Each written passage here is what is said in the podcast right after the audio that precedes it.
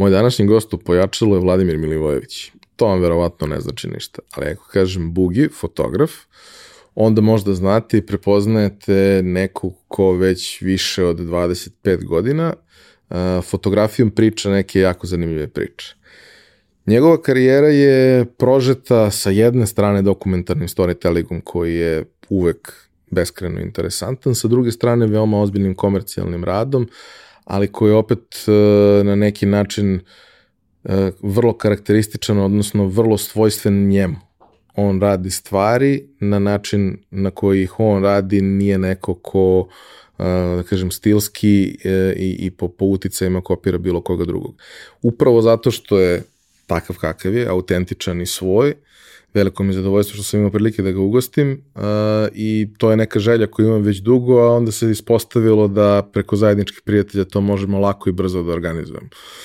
E, siguran sam da ćete uživati bez obzira na to da li vas fotografija kao, kao tema zanima, jer ovde imamo mnogo priča i o samom poslu i o tome kako se posao radi na različitim meridijanima i u različitim kulturama i u različitim sistemima, a ono što je takođe važno imamo posao uh, kako se radi na najviše mogućem nivou, jer mi pričamo o čoveku koji je fotografisao Usaina Bolta, gomilu NBA, NFL igrača, koji je godinama radio kampanje za Pumu, Nike i ostale velike brendove, uključujući i Apple.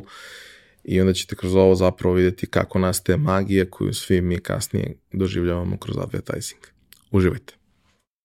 Realizaciju ove epizode pojačala podržala je kompanija Epson. Epson je već više od 20 godina vodeći svetski proizvođač projektora i štampača za sve namene od onih kućnih do profesionalnih. Posebno vam skrećemo pažnju na aktualnu ponudu Epson Business štampača.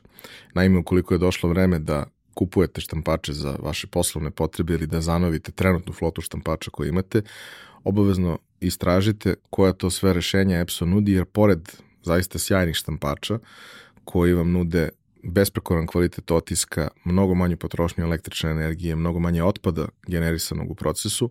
Uz Epson rešenje uvek dobijete i celu paletu softvera koja se kod drugih proizvođača doplaćuje, a ovde dolazi besplatno za sve njihove korisnike.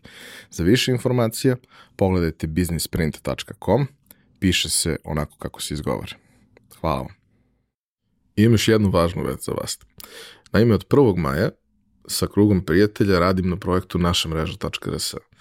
To je jedno jako zanimljivo mesto za svakog ko je preduzetnik ili razmišlja da to postane. Mesto gde svaki dan izlaze neki interesantni korisni tekstovi, a jednom nedeljno predstavljamo neki zanimljiv mali biznis. Takođe, svakog meseca radimo veliki intervju sa nekim od zanimljivih ljudi sa, sa ovog tržišta, nekim od ljudi koji su lideri u, u onome što rade, pa tako, evo, prvog meseca imamo Slavimira Stojanovića Futra. Uživajte, informišite se i pretplatite se na mailing listu ako su vam teme zanimljive, jer onda će vam svake nedelje stizati digest svega toga svakog ponedeljka na mail. Hvala vam.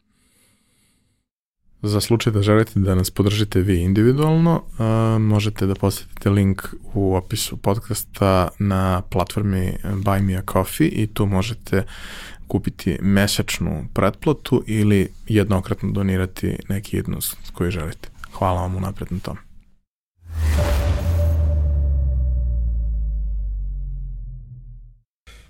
Bogi, dobro mi došao. Hvala ba to. Ovaj, moram da priznam da prvo prilično dugo pratim to što radiš i to mi je do jaja, pričat ćemo o tome, ali moram da ti se zahvalim i tebi i bratu Galebu na tome što ste u onom periodu ovaj, COVID-a i lockdowna i svega uh, snimili onu epizodu, jer ja sam tad bio zarobljen u Americi i mnogo mi je značilo sve ono što je Galeb radio, jer mi je trebao neki ono fix Outlet, nekog dobrog da, kontenta. Da, da, da. I potpuno mi je bilo neverovatno da, da ste uspeli da se presečete u tom periodu. Sve o, ja ne znam sad, ja ne mogu da se setim, to bio taj period Prilike pre, to. Ili, pred, ja mislim, pred, pred kraj, toga. recimo, toga. Pred, aha. Ja mislim da je bilo pred mislim kraj. Mislim da je bilo pre toga. To ima tri godine, bret. Pa, tri godine ima. A da, jest, i to što kažeš. Znaš, ja Leti, sam ostao brate. zaglavljen, već su ovde i otvorili, ja sam još bio zaglavljen jer nije da. bilo otvoreno, nije bilo leto. Ov, u svakom slučaju, e, veliko hvala na tome, jer tad sam dobio malo konteksta za sve one priče koje sam ispratio kroz fotke. Da, da, da. I naravno, ti si jedan od onih ljudi o kojima ceo grad priča, pa onda se svašta nešto to, pazi, čuje. to nisam znao, ali ako ti kažeš... Kogod je imao prilike da te upozna, negde sarađuje sa tobom, ima neku priču da podeli i sve je to super interesantno, ali jebi ga sve to su drugi ljudi koji pričaju Da. da. to čoveku, a ja bih volao da, Da, pričam sa da, čovekom. I onda, zahvaljujući zajedničkom prijatelju Đoletu Jovanoviću, našem prelepom Čačaninu, eto nas ovaj, da sednemo da se ispričamo o svemu ovome. A, pojačalo ima tu, da kažem, neku, neki koncept hero journey-a koji se bavi, da kažem, putovanjem gosta kroz vremensku liniju od detinstva do, Aha. do danas. I no. prvo pitanje je uvek isto pitanje, mančmelo pitanje, šta ste budeš kad porasteš? Uf, da. Pa ovako, ne znam, ne znam da, li sam pr, da li sam prvo hteo da budem džubretar, pa onda ođečar, ili je išlo drugim redom. Ali mislim da sam prvo hteo džubretar da budem. Ja mislim da, da sam bio oduševljen ovim njihovim uniformama, naranđastim. Znaš, i bukvalno bio sam u fazonu, ja, hoću da budem džubretar. Si kao sine moj, ne, kao, nemoj. A što ođečar? Ne znam, ne, ne, nemam, nemam predstavu, pazi, ne sjećam se. A gde si odrastao? Voždovac. Iznad crkve, dve stanice iznad crkve. Kako je to bilo okruženje tada? Pa pazi, moje detinstvo, u to vreme to bilo nešto najbolje na svetu. Mi smo se igrali na polju po ceo dan, naš gomila klinaca, eventualno neki, jedan od roditelja na terasi gleda, ponekad pogleda šta mi radimo, to je bilo fenomenalno. Bezbrižno. To je bilo potpuno jedno bezbrižno detinstvo pre svih ovih priča i plašenja i gluposti, a, pedofili, ovo, ono, manijaci, pre društvenih mreža, pre kompjutera, znaš. I u jednoj zemlji koja je bila malo drugačija. Pa, zemlja koja je bila malo više drugačija. Na bolju stranu. A kako je bila situacija škola i to sve? Jel te interesovalo nešto? Jel te radilo nešto? Pa, mene jeste, znaš šta? Jeste, pazi, mene recimo interesovala elektronika. Nešto kao maltene od malih nogu, ja sam nešto lemio, pravio neke gluposti, išao na takmičenja neka iz toga. To me zanimalo, pa nije me, znaš, nikad ja ni- nisam bio nešto svestran, nikad me nije zanimalo neka gomila stvari. Znaš, ja se zakačim za jednu stvar i onda to radim do, do kraja. Nemam ja, ono, znaš, tu neku svestranost, ja mislim. Ali zanimala me elektronika i verovatno sam kao zbog toga i kasnije, posle, znaš, na srednje škole upisao, upisao ETF, znaš. I završio. Što je, mislim, po, potpuno... pa nije, znaš šta, kad nešto počneš treba i da završiš čoveče. No, to je negde, po meni je to nešto, nešto najnormalnije. Znaš, ono kao, ne, kao batališ na nekoj godini, kao, "A, nije mu išla škola, pa šta mu je išlo, šta je, retard, šta, šta mu je išlo. I plus, ti nekim, dobro, to je tada, tad je to važio kao za, ne, za najteži faks, međutim ja mislim da su to sve gluposti. Ja mislim da to veze nema s mozgom, jer faks završava guzica, čoveče. To, pamet i to, to, nažalost, sve može se nadomestiti buba, bubačenjem. I znam, lično znam ljude koji su završili, koji mnogo mozga nemaju, a završili su ETF, tako da, ja sam, znam. Mislim da sam namerno i završio otprilike taj faks da ne može niko posle da mi kenja kao, znaš, kad pljujem recimo studente i tako to, da ne može niko da mi kenja kao, a ti si ljubomoran, ma da, jesam li? Mislim da baš nisam. O, ja sam prešao kraljicu, pa sam onda krenuo da pričam. Pa da. A e, loženje na elektroniku i to sve, ovaj, e, kako si uopšte učio, iz čega si učio? Pa znaš kako, um, i bilo tad, u to vreme bili su, bilo radio, bio je neki radio klub Nikola Tesla, to je bilo, ne mogu da se sjetim tačno gde, na krstu negde, znaš, bilo je tih klubova, na primjer, bilo je, kako, tak, takođe bilo je i fotoklubova. Znaš, u tim nekim režimima, na primjer, socijalističkom, pa i ono, ranije u fašističkom, taj neki kult vežbanja, kult, svi, znaš, je bio mnogo zastupljen, na primjer, ti pogledaj, a, Rusija, nacistička Nemačka, znaš, ti si, pa, pa i Srbija, na primjer, u tom socijalizmu, ti si bukvalno ono, u svakoj mesnoj zajednici imao karate klub, judo klub, mogu da treniraš šta si hteo, Znaš, to je bilo Sve je potpuno bilo ili drugačije. besplatno ili jako Pa pristupačno. da, bukvalno tako, to, potpuno tako, tako je bilo. I znaš, znanje i ti radio klubovi, fotoklubovi, svaka opština je imala svoj fotoklub. Znaš, pola, znaš dosta se na, u to nekako i ulagalo. Pa obrazovanje je jako bitna stvar za jedan narod. Ali mislim da je taj deo e, zapravo tog neformalnog obrazovanja bio mnogo važniji i interesantniji Ja, za većinu mislim- ljudi. Ja, Znaš. mislim da je. Jer ti tu pratiš tu neku svoju strast Naravno. i mora da postoji neki Da. čudak ili ludak tu koji je Da. tu, koji ti pokazuje Da. to i Jeste, objašnjava. Da, bukvalno je tako i bilo. Bukvalno je tako i bilo. Znaš, fotoklub, ti odeš tamo, uvijek tu ima nekih ludaka, znaš, i nisu nešto mnogo dobri u tome, ali se lože, znaš, i onda I pokažu ti nešto. pokažu ti nešto, do ovog, ovo, do onog, ono. Knjige, te stvari. Pazi, knjige, ja nikad nisam imao para za fotoknjige. Znaš, ja nikad nisam imao para za fotoknjige, niti je toga ovde bilo, znaš, to 90. godine, ali po pitanju moje te fotografije, mislim da je to u stvari bilo savršeno, što nisam imao to. Da se razvijaš bez tih nekih uticaja. To je bilo pre interneta, znaš. Nije bilo ko sada, na klik ti je sve dostupno. A ja ono milion puta ono, ponavljam se, ali nema ni veze, kako nešto ne uložiš ili trud neki, ili pare, ti ga ni ne ceniš čoveč, znaš.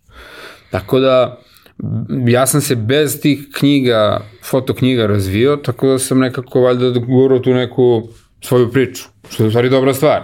Naj, najbitnija stvar u tom što ja radim je da imaš ti svoj pečat, znaš. Treba doći do toga. Kakav je stav bio porodice o, o, o tvojim interesovanjima i stremama? Gledaj, ja sam uh, ETF studirao uh, i završio u roku i sve to okej, znaš, naravno, ko, ko, koji roditelji neće budu ponosni na takvog sina, vrate. Ali onda kad sam, kad sam otišao u Ameriku, dobro, možemo i o tome pričamo kasnije, ali nema veze sad. Kad sam otišao u Ameriku i kad je moj otac saznao da ja neću se bavim time što sam završio, on bukvalno je bio u fazonu, pokojni otac, kako sam voleo, bre najviše na svetu. Bukvalno je bilo u fazonu nešto me naduvo i nismo pričali jedno šest meseci, sedam meseci. Znaš, takav je stav bio.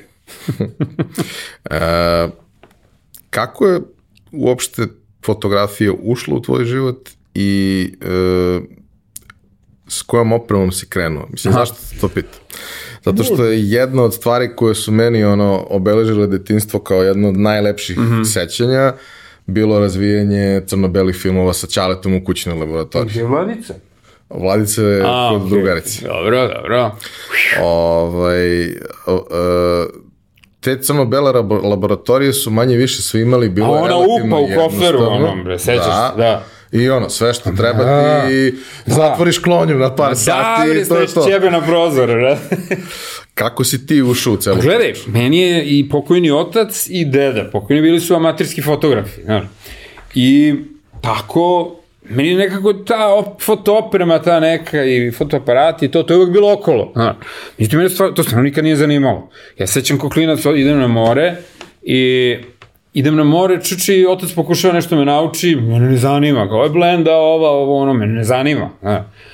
I onda nekako to kad su krenuli oni protesti, znaš, ono, protiv Miloševića, ja sam tad krenuo da fotkam, u tom nekom mračnom periodu, sam krenuo da fotkam i ja se bukvalno sećam to kada sam prvi put razvio fotografiju, kad se pojavila u onom razvijaču, ja mislim da je tad bilo za mene odlučeno negde tamo nekako, čime ću se baviti. To je ono magija, čovječe, to je fenomenalno osjećaj. Znači, ono, wow, alhemija neka kao. Pa onda fiksator. Pa. Pa da, pa da, i ono, znaš, ono, leto, čoče, ćebe na, na prozoru, kuvam se, što razvijam u sobi, znaš, trud neki ozbiljan. Mislim da je taj moment da ono, ljudi koji su u to krenuli pre nego što si ti na klik mogu da vidiš Čovječe, si. gledaj, gledaj, to ti je kao, na primjer, ti ne, ka, ja ne razumem kako ti možeš da se baviš, recimo, fotografijom i sad u ovo digitalno vreme, se kao baviš fotografijom, a da ne znaš osnovne, osnove tradicionalne te fotografije, meni je to besmisleno, meni je to kao, baviš se ti kao slikarstvom nekim ili tako nekim vizualnim, ono, obliga, nisi uzog četkicu u ruke nikada, znaš, to meni malo ne pije vodu. Ali mislim da taj moment gde ti suštinski ono, radiš nešto, imaš ograničen prostor da uradiš to nešto, mislim možeš da staviš sledeći film, ali... Ugra, ograničen prostor, 36 snimaka imaš, čoveče, svaki, pogotovo ono doba bede i tuge je. Koliko filmova, da, li ću da kupim kao farmerke ili ću kupim pet filmova, znaš, taj fazon. Imaš 36 snimaka, jednu, jednu scenu fotkaš jednom, znaš. To, u tome, znaš, ima toliko, ti, ti razmisliš vrlo dobro o svakom snimku, nije ono ko sad polivanje, znaš, pa, pa, pa, pa jedno će bude dobro. A, I ono, onako, na primjer, što se bližiš kraju tog filma, ti si u fazonu, znaš, da se ne desi nešto gde ću morati u sred nečeg ludog da menjam film, znaš, na primjer, na onim protestima i tako to, to su ta neka razmišljanja. Ja se sećam i tih ono porodičnih momenta gde jedan film traje, brate, dve i po godine. Treba, Kad razviješ ti se vidi- više ne sećaš ljudi koji su bili na početku. Gledaj, tako je meni sada, na primjer, ja uvek imam par, u nekoliko nekih fotoaparata imam filmove. I sad ja, ne znam, jednom u par nedelja ponesem neki, neki idiot ili normalan aparat, ponesem napolje, malo škljocnem nešto i stavim ga tamo gde su mi aparati. I, brate, ja svako odnesem film, pa onda još ja odnesem filmove na razvijanje i onda zaboravim i da sam odneo, podem posle par meseci. Ja bukvalno ne znam, uopšte ne znam šta će to da bude. Znaš, uopšte ne, ne sećam se. Vreme plop, bukvalno. A, pomenuo si Ameriku. Dobro. Amerika jeste, da kažemo, prelomni trenutak i sve, ali ajde da pričamo o tome šta je prethodilo u Americi, odnosno, mislim, znamo šta je prethodilo ovde, ovde je bilo strašno. Pa, šta je prethodilo? Završio sam faks uh, i onda sam se zaposlio, postao sam, uh, ovaj moj neki drugar, on je naučnik, moj kum, on je naučnik baš, i on je dobio ponudu da bude ovde direktor Johnson Johnsona, neki clinical diagnostics, on to nije hteo da radi, nije mu bilo to dovoljno, valjda, znaš, nije podržavao njegove naučničke aspiracije, znaš, i onda to on to prebacio meni. Ja sam se zaposlio tu i postao direktor uh, Johnson Johnson Clinical Diagnostics i onda sam tu išao po regionu, instalirao neke aparate za analize krvi i to je bio posao koji sam ja radio, radno vreme je bilo recimo 9 do 1, ja ostatak vremena blejim sa fotoaparatom, okolo fotkam, savršeno za mene, savršeno, znaš. I povremeno neki službeni put, neka obuka, ovo ono, bilo mi bilo baš dobro.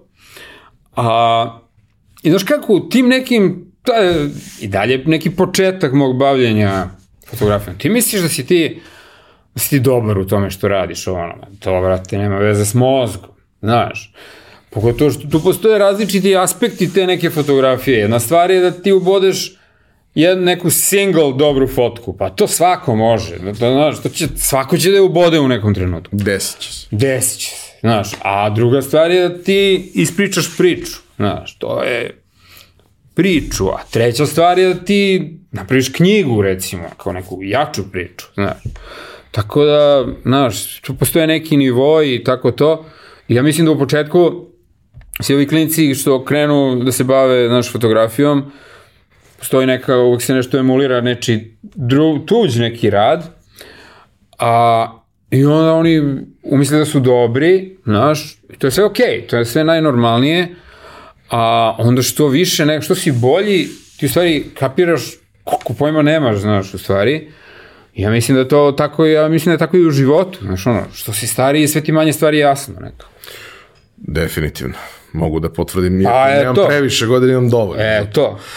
Ali ono što si negde pomenuo na, na početku, s čime se baš jako slažem je da, ok, svako bi trebalo da razvije neki svoj stil i svoju autentičnost i da ima neku svoju priču koju priča. Naravno. Ali, prva i osnovna stvar je da naučiš da koristiš ono što Pa ko- to vidi, koristiš. to, ja sam to sve isto radio intuitivno, znaš. A, nekako, uvek je ono trial and error. I n- ja mislim, osnovna stvar je da ti budeš jedno sa svojom opremom, znaš. I da uvek bude sa tobom. Pot, naravno, ono, fotoaparati koji su u torbama i na policama, oni ne prave baš neke fotke, znaš. I mora da ti bude na tebi, znaš, čak ne ni u torbi, znaš, kad je u torbi, primetio sam, znaš, ti htio ne htio vidiš nešto, a neću zbog ovog da se cimam da vadim aparat, znaš, to je najnormalnije da je to tako, i tako je. A ono, znaš, ti što više fotkaš, što te više ono inspiriše da fotkaš, nikad ne znaš, znaš. Nikad ne znaš kada će da Pa naleti. dobro, ja uvek zato imam na sebi bar idiota jednog i samo rokam. Ne. Ono, posebno sad gde ono, nema ograničenja. Pa jeste, da, ta sad koliko je to dobro, vidi. To je, ja mislim, u suštini dobra stvar. Sad, sad postoji neka demokratija u toj fotografiji. Ja se ćemo ranije, bilo kao, o, ti imaš ranije, a i sad je ovde mogu ti reći to, ko ima bolji, bolji fotoaparat, taj bolji fotograf. Tuga Božja, majke mi, to je tako. I a tad je pogotovo bilo, znaš, kao ti, ja da imam kao tu opremu i ja bi, brate. Sad, brate, imaš ovo sranje, svako može. Niko te ne sprečava. Ti bukvalno sa ovim govnetom možeš da napraviš poražavajuće dobru fotku. Sad već definitivno. Da, ma Mislim, već da. par godina. Da, tako da opravdanja nema. Ma već par godina, naravno. Tako da opravdanja nema. Postoji neka demokratija u svemu tome, ali ja mislim da će kvalitet uvek da ispliva Znaš, jel, ono što smo već rekli, to da ti dobiješ, da ti razviješ svoj pečat, to treba vremena, bre, treba krvav rad iza toga da stoji. Mora. Talenat nije dovoljan, talenat je bez rada ništa. A mislim, imaš Talenat bez rada žali Bože. imaš i onaj moment gde neko uzme i iz prve napravi nešto fantastično. I ti kažeš, dobro, Pa može. a šta sad? Ma da, da. I nikad ne ponovi ništa slično, jer to prvo se desilo A i slučajno. gledaj, a i to, na primer, prvo, drugo, znaš, ljudi, gleda, ljudi uh, imaju tendenciju, ja gledam gomila fotografa, kolega, preko, najviše preko, naravno. Znaš, on po nečemu postane poznat i onda to gura do smrti. Znaš, a to, po meni, to potpuno besmislica. Ti ako se razvijaš kao čovek, ako se menjaš, pa menjaće se i tvoj pogled na svet i tvoje interesovanja i ono što te zanima da fotkaš. Znaš, to, ako je tvoj, ako su tvoje, ako si ti non stop, ako se baviš non stop istom pričom, istim temama, fotkaš ih na isti način, znači ili da si ti malo, znaš, da se ne razvijaš ili da to radiš iz čisto komercijalnih razloga, ne samo komercijalnih, nego ljudi to očekuju od tebe. Radiš, radiš ono što se od tebe očekuje. Mislim da je to najgora stvar na svetu. Za kreativca To sigurno. pa kao da ti radiš ono što se od tebe očekuje. Brate, onda kad si ti na vrhuncu, probaš, pa uspeš, uspeš, ne uspeš, probaš ponovo. Šta? A mislim da, da, da, da je dosta bitna stvar to kao, znaš, razvijati u konkretno onome što ti radiš, ono, da. razvijati sobstveni stil storytellinga. Zato A što znaš kako? Neverovatno Ja mislim, ja, ja mislim da to ne, ne treba da bude nešto gde se ti nešto trudiš, ja mislim da je to, To nije cilj, to se desi normalno. usput. To se desi, da. E sad, imao si divan posao, šljako si par sati dnevno i ostalo vreme si. Da. sa aparatom. I zašto, Pa, znaš kako? kako? S, nekim drugovima sedeli smo kod mene u stanu i pili nešto i rešili svi da se prijavimo za zelenu kartu. I, brate moj, ja dobijem jedini. I sad, znaš, kad ti to dobiješ, ti ne možeš sada, e, ne, neću da idem, ja nikad nisam bio, bio tri puta u inostranstvu do tada, nisam ništa znao o Americi, ono što sam vidio u filmovima, to je sve bullshit, znaš. I, ali ne možeš, moraš, ako si već dobio, ne možeš sada, zamisli, dobiješ, ne odeš i da se pitaš ovde negde celog života, "A, da sam otišao šta bi bilo, to nisam mogao sebi da dozvolim nikako. I eto, iz čistog razloga da ne ispanem sisa, ja, naravno, odem, brate. I odeš na šta?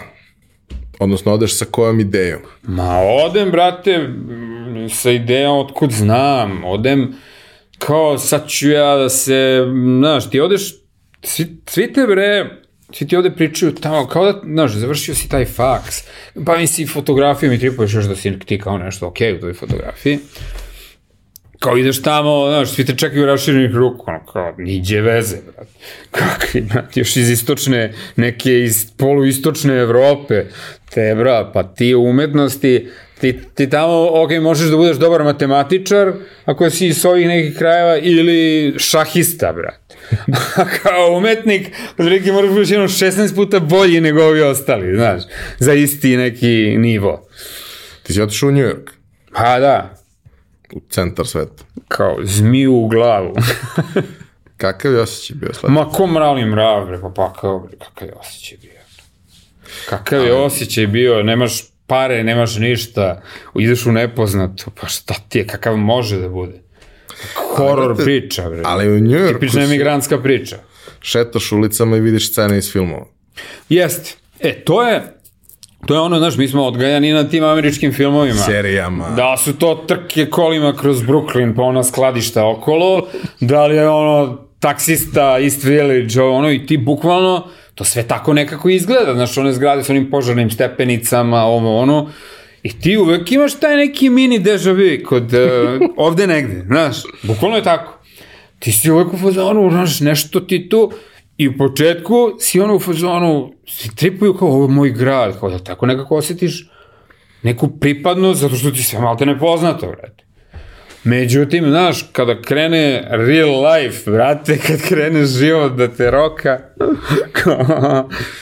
onda Ja sam, ne bude čupao. Imao sam sreću i priliku da obiđem deo Amerike i volao bi da obiđem još saveznih država i kolima i tako sve.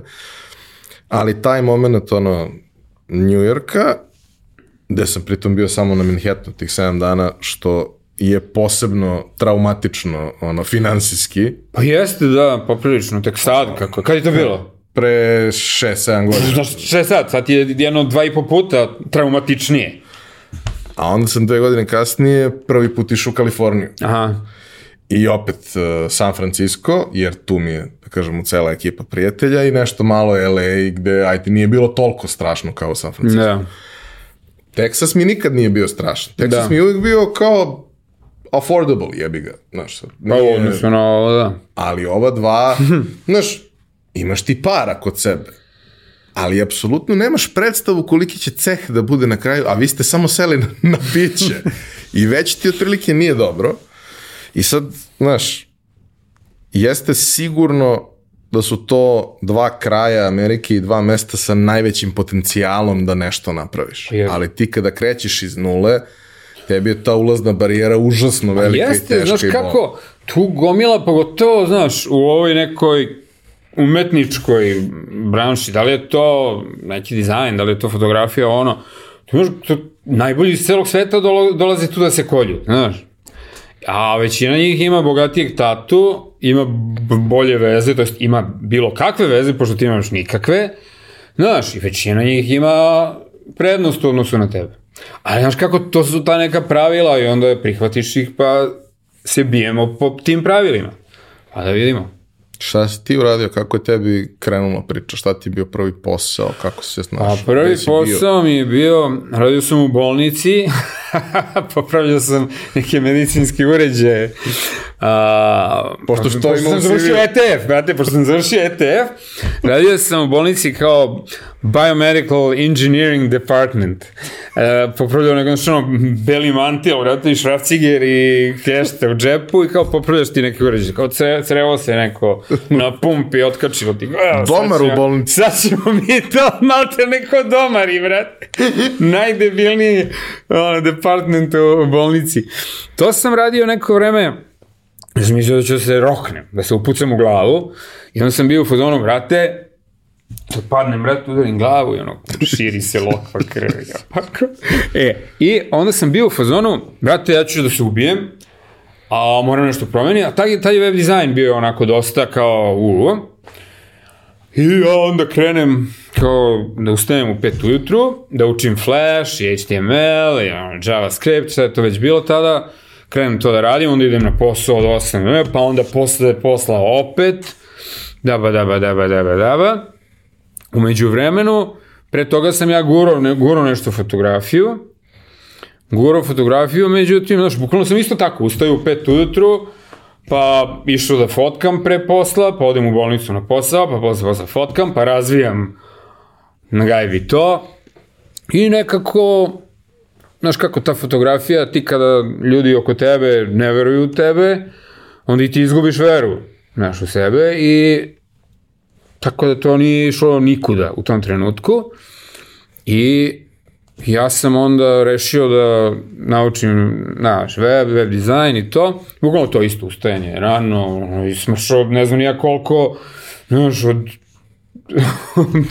po ceo dan iscrpljivanje. iscrpljen, iscrpljen i Jesi onda ti sam mlad, možeš da izguraš. i onda sam brate i onda sam brate ono fejko uh, CV stavio neke sajtove od nekih ljudi tu koje sam kao i znao i to i našao posao za duplo para kao web dizajner u nekoj firmi umeđu vremenu sam a, bukvalno prodao svu foto opremu, bukvalno pa u depu oko toga, prodao svu foto opremu na ebayu i rešio se više nikad ne bavim fotografijom.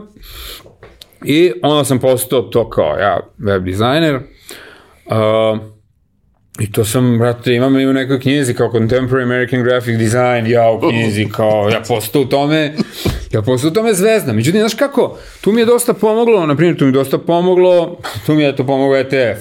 Znaš, zbog tog nekog načina razmišljanja, jer svi, znaš, sintaksa nema veze, ali logika je uvek to, znaš, petlje, if then, ovo, ba, ba, ba, ba. I tu mi je, znaš, pomoglo jer sam radio i taj neki back-end i front-end, znaš. Dobro, bilo je prilično basic, Pa bilo a ti basic si skroz. bio kreativan i to je odmah Skroz, bilo znaš, ti odskakalo. si imao taj neki fla, flash front-end sa nekim bazama, pa zadi, to je bilo, znaš, sve, nikakav problem. I, Mislim, pričamo o kraju 90. ma da, Kad nema konkurencije toliko, kad šta god da uradiš je wow. I onda sam to, to radio i međutim, nekako, znaš, kad ti srce nije u tome. I onda sam sasvim slučajno jedno popodne bio je neki, dome, neki, neki sajt sa kao onim do- domen imenima koje su nekome kao istekla. Uh -huh. Ja uzmem tu taj moj neki artcube.com, to mi je bio prethodni uh -huh. website i za jedno popodne sad kao što dosadno mi je bilo i napravim, kao stavim neke fotke te svoje od pre i kao dva, 20 photos by Boogie, 20 mojih fotografija nekih, poš- pošaljem tim nekim svojim kontaktima i fazon u roku od 5 dana 30.000 posetilaca, ludilo, ovo ono, ja sam u jeho fazonu bio kao, brate, pa možda ja imam malo talenta za ovu fotografiju, znaš, možda malo opet da krenem, znaš, tako sam krenuo opet da fotkam. Dve godine nisam okinuo ni, jedno, ni jedan snimak. Pa i septembar 11. sam ovako gledao sa one me, sa metro stanice nisam fotko. Je, šta ćemo? Dobro. Ne, ali posle toga sam bio bolji nego pre pauze, znaš, kao da ti treba, kao da mi trebala ta neka pauza. Čudan život, znaš, sve se skocka. Znaš šta, ja, ja stvarno mislim da je jako vredna stvar za svakog ko uđe u dizajn, što skapira, za, posebno za primenjenu fotografiju, šta je to što ljudima treba. Naravno. Jer to što, što si ti smislio da uslikaš, to je okej. Okay. Ma naravno. Ali pri, u primenjenoj fotografiji njemu treba prostor za ovo, prostor za ono. Trebamo prostor, prostor za taj, prostor za ovo, prostor za ono i plus, znaš, naš cilj nije u toj nekoj našoj kolaboraciji, cilj je treba da prodamo patike. Nije cilj da ti tu ispadneš, nego moraš da razmišljaš i o publici, kome je to namenjeno, i sve to. Nije cilj tu da ti ispadneš heroj umetnik, nego, brate, da se prodaju patike. Kad si krenuo ponovo da fotkaš, je li to bio hobi? Pa vidi, ja sam i dalje tada bio u web dizajnu, kao freelance. A, pošto sam, posle te prve firme, tu sam nešto dobio otkaz, znaš kako, ja sam bio, ono, bilo mi dosadno, I znaš kako, tamo imaš uvek da popuniš ono na kraju radnog dana šta si radio. Ja sam uvek pisao kao, brate, dajte mi nešto interesantnije da radim, meni ovo, a ne mogu, ovako, i, oni mi daju otkaz, brate. Debil. I oni mi daju otkaz. Ja dobijem posao da budem webmaster u nekoj financial banking, on, online, neki real estate, ne znam ja nešto kao veliko. Ja dobijem posao da budem tu webmaster. I ja tu ništa nisam ni radio praktično. Samo sam nešto sedeo i bleo po internetu. I oni imali neki, imali su neki problem Ova moja šefica, kao, Bugi, da li bi ti mogao da odeš da pogledaš nešto? Ko šta da gledam? Ovi neki Java programeri tamo, znaš, kinezi neki sede, kao imamo problem već danima, ne možemo da rešimo, znaš, ovo, ono. I ja ono kao, pa gde je to kao kod, koji kod, ne znam, ne znam, ne znam sintaks, ne znam ništa. I ja krenuo, gledam onaj njegov kod, tog nekog kineza i znaš, ja pratim te petljice neke I vidim negde na jednom mestu se ne zatvara, brate. I rekao da nije ovde, kao, jeste. Kao, uuu. I od tada su me zvali samo kad je baš veliki problem. Tek onda nisam ništa radio. Naravno, to je, znaš, kad je ono 2000 koje, ne znam, ne znam koja godina bila kad je to sve otišlo dođelo. Pa bilo je ono, prva, druga. kad taj, in, onaj, da, da, Dotcom 2002 bubble. možda, da, dotcom bubble, da. Da, i onda je to sve otišlo dođola. I onda posle, ne znam ja šta, fotografija nekako, znaš kako to, čudno, čudno nekako, foto, ovaj, web video ovako, a u isto vreme ja sam nekako znao da će fotografija da krene nekuda i tako je bilo. Nekako je to krenulo sve čudno. A šta je bila tvoja ideja sa fotografijom? Mislim, Nisam imao ideju. Kako ideja? ti samo fotkao. Aha, da. Pa nisam ja, znaš, kao, kako ideja?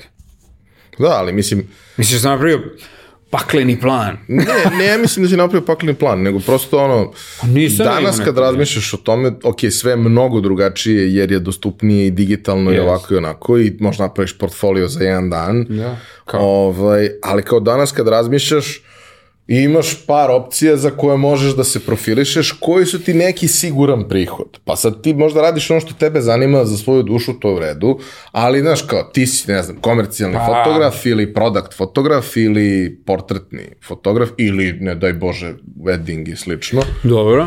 Ovaj, pa se ti profilišeš za to i guraš se u nečemu u tome. Dobro. A sad, to što si ti radio, na čemu si ti postao poznat i što je Da. tebi negde obezbedilo posle i ozbiljne gigove, Da. nema veze s tim. Pa nema veze s tim, pa zato što radiš ono što si ti, ono što voliš i što moraš da radiš, znaš, nije sad to, vidiš šta se prodaje, pa ćeš ti to da radiš, onda možeš samo budeš drugi, treći, peti, nikad ne možeš budeš prvi. Ja mislim da moraš samo sebe da pratiš, samo svoje srce čoče, tako sam ja radio, tako uvek i radim. Mislim da nema druge. I u suštini, I onda nekako, znaš, ono, if you build it, they will come. Ja mislim da tako stvari funkcioniš. i ja se nadam da tako Pa stvari ja, funkcionišu, to znam, brate, misliš da ja znam. ali taj moment da su tebe u suštini probile priče. Pa, kao, da, može se reći. E, kako se uopšte dolazi do takvih priča? Jer, mislim, ok, ne, neki ljudi možda znaju šta si radio, Da. mnogi ne znaju. Da. Ti si ispričao neke od najkompleksnijih priča i doz, dozvolili su ti da budeš deo okruženja u kojima nema mnogo ljudi koji bi bili dobrodošli. Koji bi izašli. I to su priče koje zahtevaju mnogo vremena. To nije dođeš jedan dan, pa ispeglaš i bude... pa vidi, recimo da, da, to je tačno. Ovo, ona prva priča velika, da, gengovi, droga i to, da. To je tačno, znaš, ja sam nekom ludom, luda sreća neka, da, na primjer, to u tom periodu kada sam slikao ove narkomane, krek, heroin i to, da, sa, da su me tada kontaktirali da nešto radim za Nike, tamo da napravim malu pauzu da ne poludim, I onda posle toga sam se vratio pa fotkao te gengove i to, ali bukvalno je malte ne zbog toga sam krenuo da dobijam neke prve Nike poslove posle toga, ali su me bukvalno, znaš kako ti je? Nažalost, u tom nekom svetu advertisinga i toga, uvek pokušavaju da te stave u neku fioku. Znači, on fotka to. A, na primjer, on, evo ja, pošto su mi, pošto mi je taj prvi, taj projekat e, bio, uglavnom su to crnci, geto, znaš, kape, pištolji, ovo, ono, onda su me u nekim počeli da me uzimaju samo da fotkam tako nešto, radimo kampanju Nike ACG, ali radimo kao u getu, crno-belo, uzmu mene, znaš. Ja mislim da to, na primjer, po meni je to sve potpuno pogrešan pristup. Zato što ja mislim da baš onda kad čoveka malo izbaciš iz njegovog, onog što obično gleda i radi, tad dolazi do maksimuma. Ja bukvalno tako gledam. Znaš, ja, ja tako gledam na stvari. Ja, na primjer, znaš, mnogo lepo kad radiš stvari gde nisi potpuno komforan. Dobro, ali, ovaj, mislim, ne izgledaš kao da se uklapaš u geto. Kako su te uopšte A misliš, pustili u društvo? misliš zato što sam uh, tipičan primjerak uh, bele rase, Recimo. recimo. pa gledaj, brate moj. Znaš kako, ja u tim nekim okruženjima, to, smrt vreba. Pazi, tamo se sve završi, brate, pre nego što ti počneš da pričaš. Ne, nema tu, tim ljudima su instinkti mnogo razvijeniji nego tebi i meni. Sad moje, moje možda malo razvijeniji na tu stranu, zato što sam ga održavao. Trenirao. zato što sam ga utrenirao, dobro. Ali, znaš, to se, nema, ti možda pričaš šta god hoćeš. Oni te osete, čoveče, oni tako žive. Znaš, oni žive na ivici non stop, njima od tog instinkta život zavisi. Oni te očitaju odmah, znaš, i Možeš ti je pričaš što hoćeš. I ili I postaneš ne... deo ili... Da, i na neki način ja se njima svidim, svideo, otkud znam. A možda i to, znaš, ne zvučim kao neko koga mrze. Znaš, imam ono, akcenat koji nije neki švajcarski. Nešto tvrdo. I kako izgleda provoditi vreme sa njim? Pa to ludilo, to ti kao, kao da si u nekom filmu. Znaš, no, to su, to mnogo, navučeš se na to. Znaš, ti se navučeš na boravak u tome. Ili to neka realnost, to je neka realnost potpuno paralelna I onda mnogo zeznuto, znaš kako ti onda onu svoju neku prethodnu realnost, kao idemo u bar na pivo, ovo ono, tebi onda to postane dosadno mnogo, to ti je ono kao besmisleno, ufazano si, ovo nije realno, a jesi ti to realno, samo druga neka priča potpuno. Ali, e, po, mislim da je posebno interesantno, to ti jeste bio prvi, prvi takav projekat, što kao, e, mi ne možemo da razumemo te živote zato što se oni rađaju i odrastaju u tim okolnostima i oni su, oni otprilike ne znaju za nešto drugo, ne znaju. a vrlo često znaš, kada on kaže, a kako oni ne mogu da se iščupaju iz svega toga? Znači, oni ni, većina njih, pazi, to, taj deo gde sam ja najviše bleo, to je uh, deo Brooklyna. No, Bed-Stuy, Marcy Project, uh, Sumner Housing i tako to. To je neki deo Brooklyna. Većina njih malte ne, možda ode na Manhattan jednom u životu. Bre. Znaš, oni sve što kupuju, kupuju tu po kraju, Oni su tu u kraju, oni odatle ne izlaze i to je to. Ne, ali baš kad smo... Njihov neki svet, oni ne, ne znaju ništa drugo. Ali kad smo pričali kao, znaš, koliko u teoriji, naravno jasno je da je to sam, samo u teoriji tako, ali kao, koliko život prosečnog čoveka u takvim okolnostima može bude bolji ako ode da radi u McDonald's. E, to sam, da. Vidi, čuče, to su, to, to, cilj, oni se recimo, ubijaju oko kesice droge od 20, 30, 50 dolara, znaš. A oni, na primjer, prodaju ovim crackheadima paketiće od 5 dolara, 10 dolara, taj crackhead će, čim ga policija uhadi, odmah da, mu, da kaže od koga je kupio. Znači oni robijaju za neke cifre koje su smešne. A oni koji uspeju da nešto naprave, odmah beže iz tih krajeva. Prvo što urade, presede se negde drugde. Znaš, tako da ta neka romantizacija uopšte celog tog gang fazona i tih krajeva, to nema veze sa mozgom. Oni nemaju prebijene, oni imaju 5 dolara u džep. Ja. A svi su kao nešto mangi, svi imaju pištolje. A niko nema 5 dolara u džep, niko nema pare da kupi sebi pivo. I šta se desi sa materijalom koji ti tamo napraviš? Šta onda sa tim? A šta je bilo s njim? Pa gledaj, ja sam tada već bio u fazonu, nisam nikome ništa slao, više, bio sam doma, neću, neću nikome onda ništa, šta ja ću raditi za sebe i ćao. I ovaj jedan drugar, on je bio urednik u Vice-u tada, pre 100 godina, Tim Barber, on mi je rekao, kao, pa što ne pošalješ kao te svoje, što ne pošalješ to Sari Rosen, ona je radila u Powerhouse Booksu, tada, baš dobar izdavač iz Brooklyna. I ako pošaljem mi mail i onako, ja, znam ja tvoje fotke, pošto sam ja stavljao na, na website, svaki dan sam skoro stavljao neku drugu fotku, to, i ne znam, primetio sam, imao sam onaj neki log, mm -hmm. ne? Bukvalno New York Dep Department of Justice mi je svaki dan gledao sajt. Ja sam imao smišljenu i priču kao što ako me nešto, ako me ćape, vrate, šta da kažem, a, kao, usro sam se. Znaš, i ja njoj pošaljem mail i ona kao, jao, znam ja tvoj, tvoj rad, ovo, ono, ajde kao da se vidimo, ajde radimo knjigu, ona kao me videla, ona kao, E, ja sam bila ubeđena da si ti ili crnac ili portorikanac. Majke mi, to mi, to mi dosta ljudi reklo. E. Mislim, sad se zna da nisam, ali tada u tim nekim početcima većina mislila, i većina misli da si ti neki mračan lik, brate, ono, znaš, očekuju da dođe, ako, ništa, ako nisi bar crnac portorikanac, da dođe neki, ono, u Vjetnamci sa flašom vodke, brate, znaš, kao neki mrak od čoveka, je. Ali ja mislim, brate, ja svoj mrak izbacim na tu stranu. I kako izgleda oblikovanje toga? Znači, Uf, pazi. E sad, se zavisi, ako je prva knjiga, to je čupavo ili ne znaš praktično šta radiš. Znaš, a ovo sada, znaš, mogu i za druge da radim to, za malu naknadu.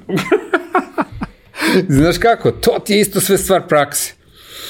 Znaš, to slaganje knjige, pričanje priče, pazi, to mora da ima i mora da ima flow, mora da ima tok neki, mora da bude zanimljivo, mora svaki deo te knjige, početak i kraj da bude interesantan. I to je ono, znaš kako praviš recimo parove prvo, pa ih poređaš po zemlji, a onda kao praviš tok cele stvari i onda kad dođeš do kraja, to je najteže, ono, na kraju kako da ti sklopiš to sve, taj, taj poslednji deo. I onda, onda razjebeš sve, pa iz početka. Pa onda uradiš to, pa kao ostaviš da se slegne, pa onda ne trebalo je ovo, moglo je ovo. I na kraju kao kad se složiš sam sa sobom da je to to, pazi, od momenta, uglavnom, od momenta kad si ti završio knjigu, sve je urađeno, teksta koji ima ovo, ono, sve, sve skockano, do momenta kad knjiga se pojavi u, na Amazonu, ono, pa to je skoro godinu dana. Jer, te si promenilo u glavi 300 stvari u tih godinu dana. I ti bukvalno si, kad izađe knjiga, ti si upoznano, ovo je moglo bolje, ovo je, no, klasika. Mora je tako, meni uvek tako bilo, 12 knjiga, u 12 mi izašlo pre neki dan. Brate, svaki put sam upoznano, ovo može bolje, ovo je moglo bolje, ali dobro moglo i gore, tako da okej okay, smo, idemo dalje. Sledeće će bude bolje. I šta se dešava kad takva knjiga koja je onako prilično ozbiljan udar. Misliš na onu prvu, ono, Da. pa to je pokidalo. Pa to je, znaš šta, mnogo je dobro da te na mapu, na tu pozornicu stavi nešto što niko drugi ne može da uradi. Znaš, Baš je statement. Pa jeste, to je idealno. Idealna prva knjiga, znaš. Posle toga, znaš, kad izađe to, bum, bum, pokida, sve super. E, sad, mnogo je bitno da sledeće stvari ne budu isto tako nešto, jer onda si, brate, onda moraš do kraja života to da radiš, kao, idemo gengovi u LA-u, kao, znaš. Ja nisam teo to da radim nikad, ja sam bio u zonu, brate, okej, okay.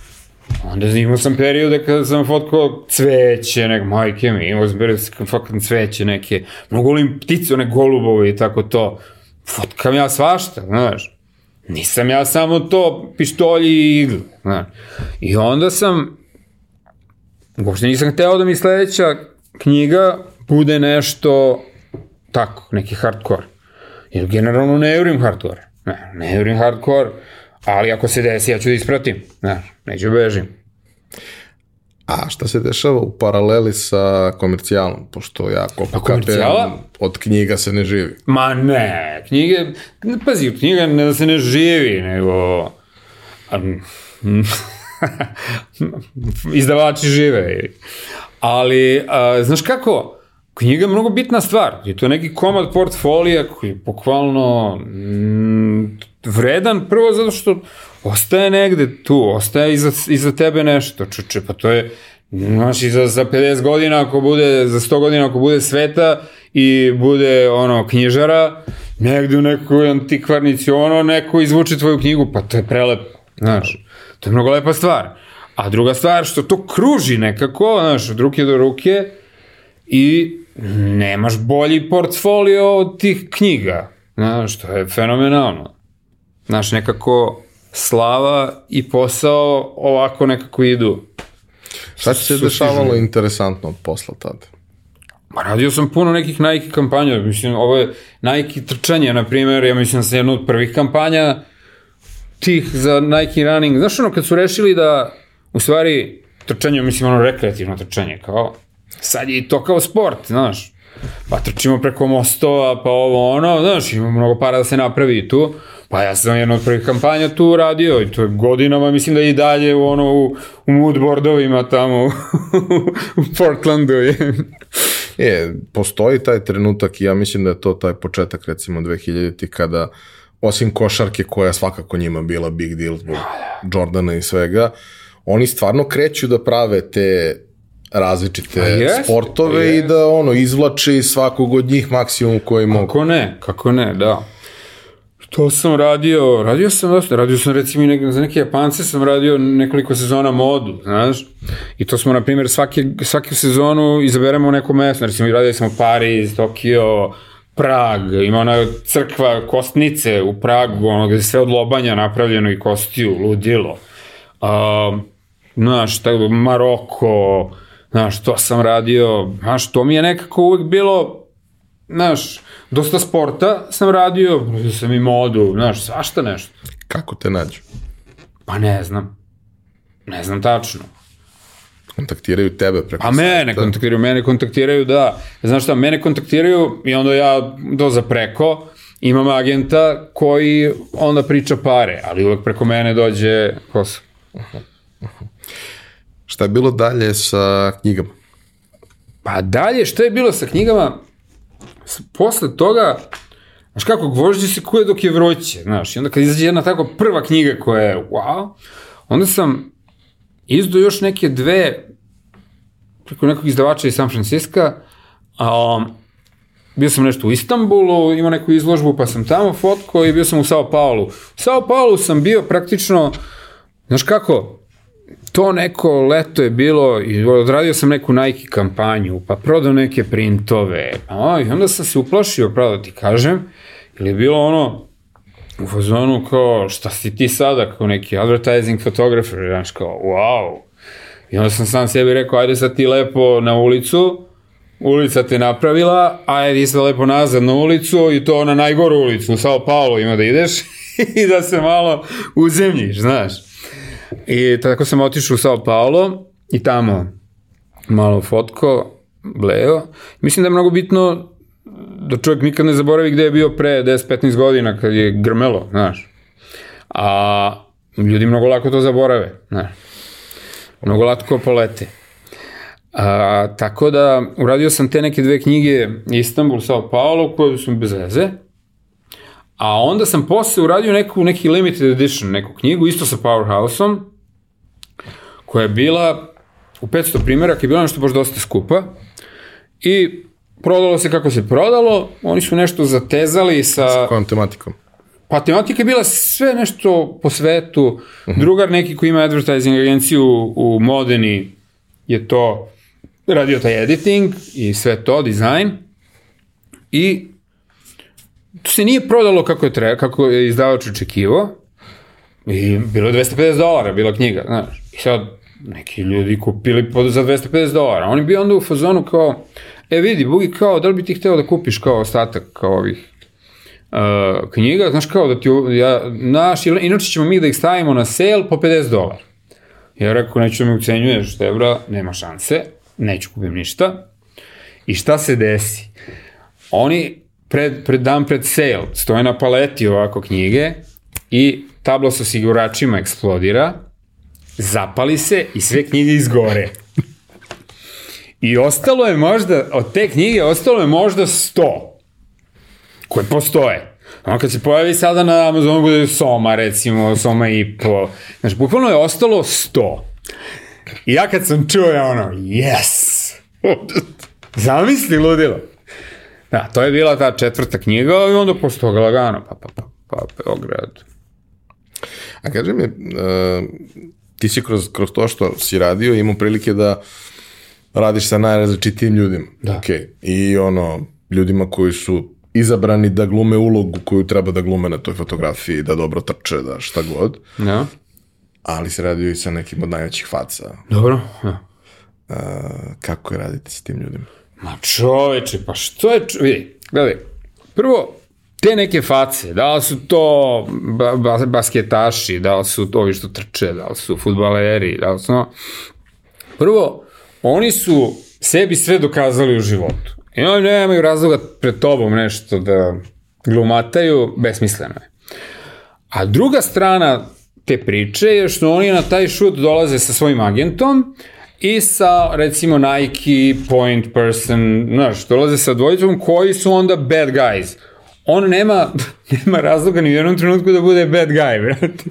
Pošto ovi drugi uzimaju tu ulogu. Znaš, tako da moje iskustva sa svima, sem sa Balotelijem, na primjer, koji je onako, brate, znaš, jedna sramota. Diabole. Ma, sramota, da, da, da. Su odlična. Znaš, kao, bukvalno ti ljudi koji su, znaš, Usain Bolt, kraj, ma nema razloga, to je, brate, šta, šta pričamo, znaš. Majka je majka. Pa šta pričamo, znaš, ono, sve što je... Nemaju ti ljudi potrebu da pred tobom nešto se dokazuju da glume nešto. Ma daj. Što su više u nekoj hierarhiji, oni su normalniji. Ali u tim fotkama koje si ti pravio, a za sve njih imaš milion fotki i iz advertisinga i ovako i sa takmičenja, ok, dobro, to je, to je druga priča. Druga priča, da. Ovaj, ali ima uvek nešto u tim fotkama koje si ti pravio gde ti izvučeš nešto iz njih. Pa znaš kako, ja mislim da je, koju god ti vrstu fotografije radio, da li je to fashion, da li je to sportska fotografija, sve se, da li je to ulica ova u getu sa pištoljem, sve se svodi na energiju između fotografa, onoga ko fotka i modela. Sve se svodi, sve se svodi na to. Da ti onaj, da onaj oseti tvoju energiju i da ti da to što ti treba. Sve se na to svodi.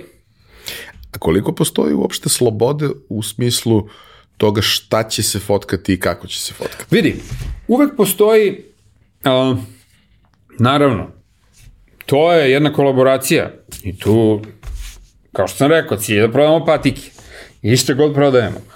Međutim, pazi, uvek postoji zacrtano šta ćemo da radimo, kako ćemo raditi. Međutim, iz mog nekog iskustva, uglavnom, najbolje stvari se prave u onim momentima koji nisu planirani.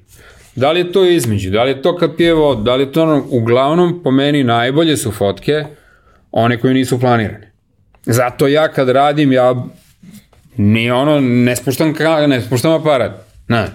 Ja ih fotkam i dok, dok piju vodu, dok se odmaraju, dok ono, znaš, sve mora, sve mora da se uhvati. Po meni to su uglavnom najbolje fotke. Ja sam x puta, ovaj, mislim, naravno, neuporedivo jednostavnijim okolnostima i sa mnogo manje poznatim ljudima imao taj moment gde pričamo kao i, i ja kažem, ok, treba da se uradi nešto, nisam ja fotograf, fotograf je neko od kolega, naravno, kao treba da se uradi nešto, vi ste poslali šta treba. Ok, ajde uradimo u to, da vi dobijete to što vama treba A, i da nas pustite još tačno, pola čuke da tačno. mi uradimo šta mi mislimo. Tačno, to... Pa ako vam se svidi, super. Ljudi, ako ne... to je uvek tako, uvek tako i uvek naravno, uvek uradimo prvo ono da pokrijemo ono što moramo. A onda idemo u ludilo. Onda radimo, ili ja, ono, kao, kako, koliko ti vremena treba, koliko god možete mi date. Znači, pogotovo sa tim ljudima, ti ga imaš na 45 minuta. Ali 45 minuta je toliko vremena Ti ako, ga ne, uh, ako ne uhvatiš ono što ti treba za 45 minuta, pa ti ga ne bi nikad ni uhvatio. Jer to, to, te, te emocije i to što ti treba, to ćeš da uhvatiš kad, dok smo sveži, znaš. A ono, kad energija počne da pada, to je samo mr, mrcvarenje neko, znaš. Tako da meni kad kažu da nekog imam na 45 minuta, pff, pobeda, odlično. A kaži mi jednu stvar, mislim, ne znam kakav je tvoj stav prema tome. Ja se na sve to beskreno ložim, znači na sport već godinama i ja, to mi ono... Ja ne. E, pa, baš zato... Ovaj, ni pravila, Znaš ko, koliko ti imaš osjećaj ko ti dolazi u sobu? Ja, ja uglavnom nemam. Ja uglavnom nemam. Ja sam, brate, verovo ili ne, evo, fotko sam ovoga uh, Hamiltona, što vozi formulu. A, da. I to je bilo pre jednog godinu i po, ne znam, tako nešto dve godine. I mene oni zovu me nešto iz Pume i oni njega, uopšte ne, ne kažu Lewis Hamilton, nego LH, kao, ja, brate, sve vreme ja ne znam o kome se radi. Ja ne znam o kome se radi. I onda, okej, okay, to je neki vozač formule, okay, vozač formule. I ja se vodim, vozim s nekim drugarom, brate, kolima i ja njemu, brate, idem, idem, ne znam gde sam, u Monako, što tako nešto tamo, pa smo ga u Nici fotkali, ko, idem, brate, fotkam nekog vozača, formule, crnca, i ovaj kao, ko ima crnac vozač formule, brate? Ja rekao, ne znam, brate, ako ja znam kao Hamiltona. Ja rekao, da. Ja kao, Ma da, brate, st- stvarno ne znaš ko je Hamilton. Rekao, brate, ne znam, nikad nisam čuo u životu. A stvarno nisam, nemam TV, brate, 30 godina je. Ne pratim ništa. Znaš, nisam znao. Isto Balotelli, brate, to, baš ono, kao conference call radim sa, ovim, sa ovima iz Pume, kao Balotelli, italijansko ime, brate. Ja googlujem, ispada mi crnac. Kao šta je, da li je to to stvarno, znaš, ono, ne znam je, evo. I ono kažem ljudima, fotkam nekog kao Balotelija, Fabregasa, Aguera, ako, ne znam šta ono, ko su ljudi. ne. ne. A je li bio neko za koga si znao? Pa Usain Bolt, znaš. Za njega sam znao ko je. Je najbolji brat na svetu. E, dobar je, dobar je, odličan je. Odličan je, mi smo bili, ovaj, taj kreativni direktor, ja ušli pre, u, ovaj, kad smo mu radili ovo, šminku i to, pred snimanje, znaš, malo ga, da ga picnu, ušli kod njega da mu kažemo šta ćemo da radimo, i on onako sedi s cvikirima, da, ne, ovo ono, mi kao, fuck, brate, najbolji smo. I posle sve, sve super, sve i mi kao radimo neki, neko trčanje tamo na nekom terenu, on kao trenira, I ja ga pitam, brate, što si bio onako, znaš, u onom traileru nadrkan onako, znaš, ono. I on kao, brate, napio sam se sinoć, kao nije mi bilo ni do čega je. Ako šarkaši i cela ta priča, A, super. to je najveći biznis na svetu. Brate, jeste, slikao sam nekog bugija. Košarkaša. Da, kazim I- sam. Da, da, i to je bilo ovo, ja kao, e, drago mi je Bugi, on kao, ja sam Bugi, ja rekao, I'm the original one, man. What the fuck? on kao, kao, ne, ne, ja sam, rekao, ja sam, ja sam, ja sam, ja sam. Dobro se niste potukli. On, on je Dobro jedan od tih. Dobro je, vrat. Dobro sam prošao je. Dobro je prošao, vrat. da.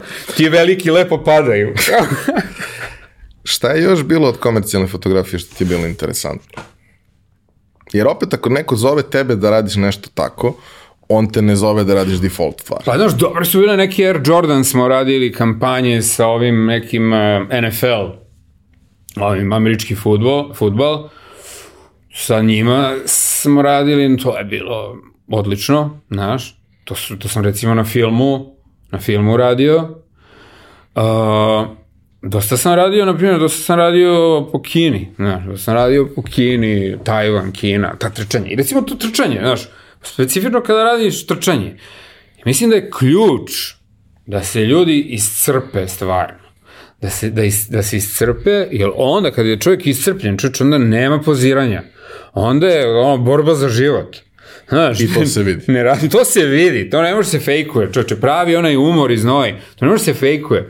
Znaš, i kad se čovjek, brate, bori za život, najmanje mu je stalo od toga kako izgleda, kao da li je obrva dignuta ili kao... Znaš, gluposti.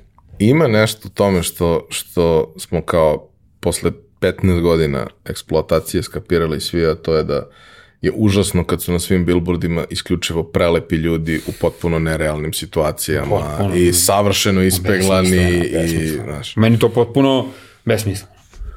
Ali vidiš, a, znaš kako, umesto da ljudi budu što otvoreniji, što slobodniji, nekako ljudi se sve više boje za svoja radna mesta i sve više igraju, idu samo na siguricu i recimo a, ne, hrabrost je, ja mislim, mnogo bilo, mnogo više bilo ono 70-ih, 80-ih, koliko ja čujem, što ono, National Geographic te ti da 100.000 100.000 dolara i pošaljete, ne znam, nije u Venecuelu ili gde god. Pa ti vidi. Da fotkaš, pa ti radi.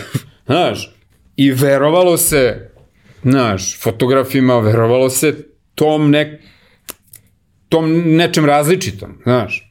A sada, sada je svima nekako frka i umesto da sve ide da bude lepše i luđe, ja mislim da nema nekog napretka. Šta si još radio zanimljivo u Njujorku i što si se vratio? Mm, šta sam radio zanimljivo? Nemam pojma.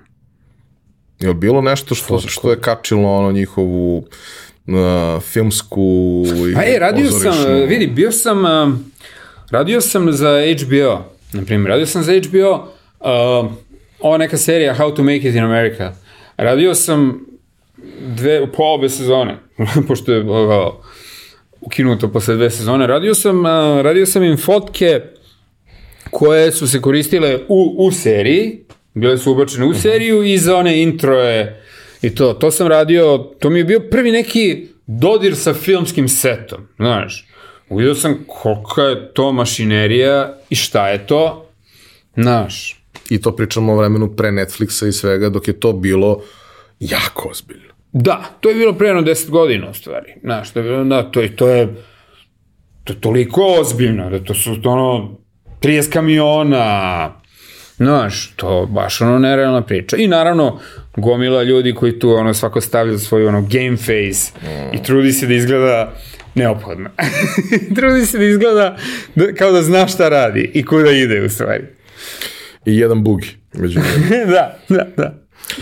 Što si se vratio iz Amerike? Pa, m, ne znam, a, počelo je nešto da me drma, jednostavno moram se vratiti. Ne, ne, ne umem, da, ne umem baš da opišem to, ali ili da se vratim ili da umrem. To je to. Kad je to bilo? To je bilo kad 2009. godine. Da. Mislim, ti si tad već bio etabliran Da, ma da, da, da. posle je bilo, da, to da, nije da, sve bio je bilo problem. kako treba, sve je bilo kako treba. E, znaš šta, ja sam se vratio, čerka mi se rodila u Brooklynu, sin mi se rodio u Beogradu. Oboje kod kuće.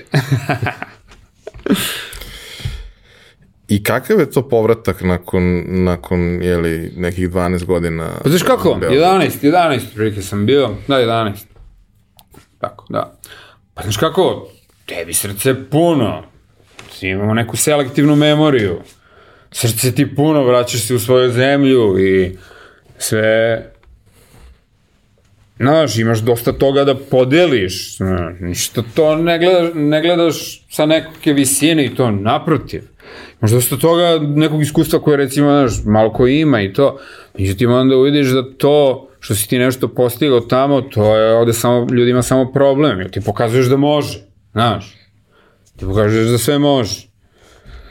Tako da, I u, tom, osvešćenje dođe u nekom trenutku posle a i u povrata. tom trenutku realno za neko kao što si ti posla ovde Pa dobro, da, nema. pazi. Mm, a, nije da nema.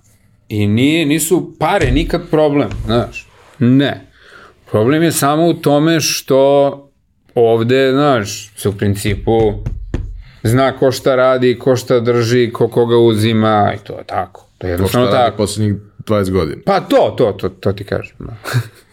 I onda dođeš ti da, da praviš problem. Praviš pometnju.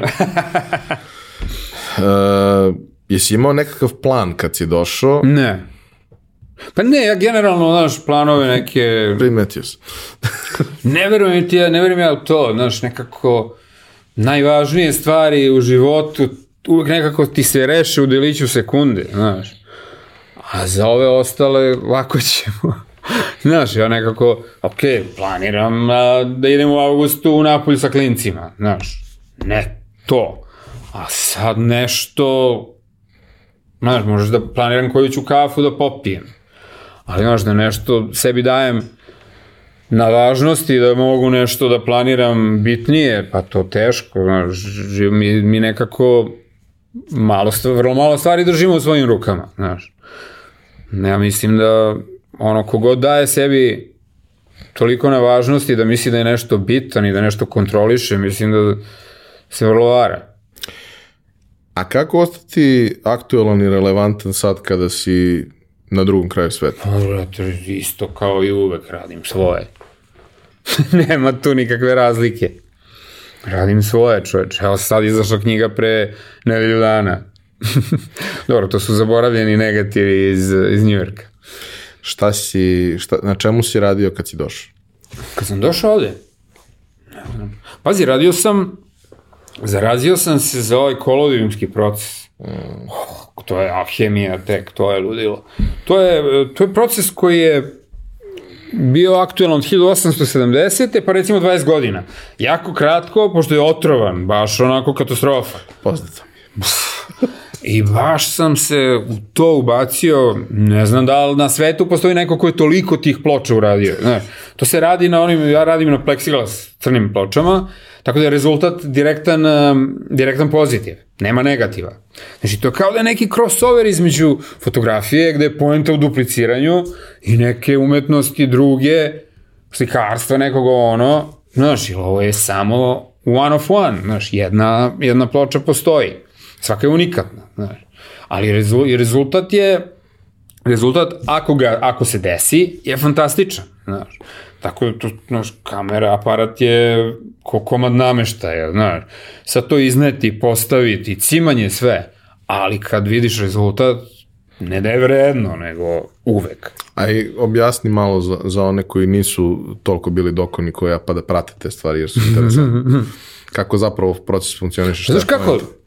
To je onaj aparat kao iz maratonaca, onaj sa crnom, crnim platnom preko glave i ti praktično na ploču ovoliku od pleksiglasa nalivaš hemiju, umačiš je u srebro, ubacuješ u kasetu koja je ovolika, praktično kreiraš film, ti praviš film, praviš emu- emulziju. Slajd. Pa, da, recimo, može da se kaže slajd.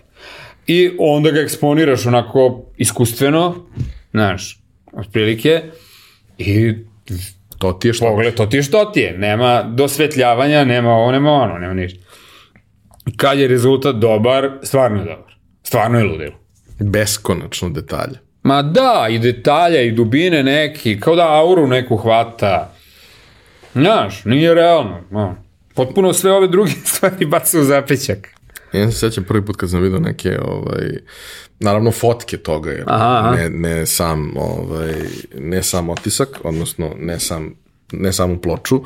Meni je tu bilo fascinantno taj nivo detalja i svega toga, jer pričamo o tehnologiji koja je stara. Ma da. Beskonačno. Pa, pa meni i, obje, i objektiv je iz tog vremena, isto, sve. I kao jedno od objašnjenja, kao, pa da, brate, naravno da je nivo detalja ogroman. Isti vidio kolika je ploča.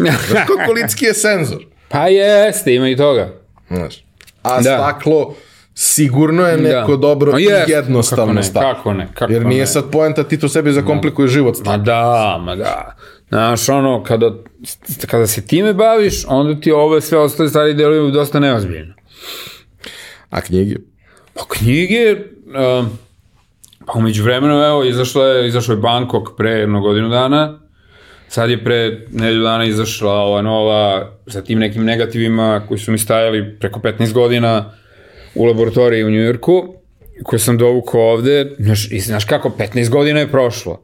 Prva knjiga, ova, pištolji, droga i to, izašla 2006. Da, 2006. Čoveče, prošlo dosta godina, dosta vremena. I sad, i ti neki snimci koje sam ja tada pogledao i odbacio, sad sam se, ja sam se promenio, način na koji ja to vidim se promenio. Ova knjiga sada, po meni bolja od one prve, majke mi. Neke fotke koje sam otkrio, nikad nisam ni skenirao. Kao ja sam u fotonu, brate, zašto ovo nije bilo u toj prvoj knjizi? Ali bolje što nije, evo je sad ova. Da, i to skeniranje, ono, filmova Joj, je... to je sve smaranje, ali dobro, takav je posao što da radiš. Volim ja to na neki način.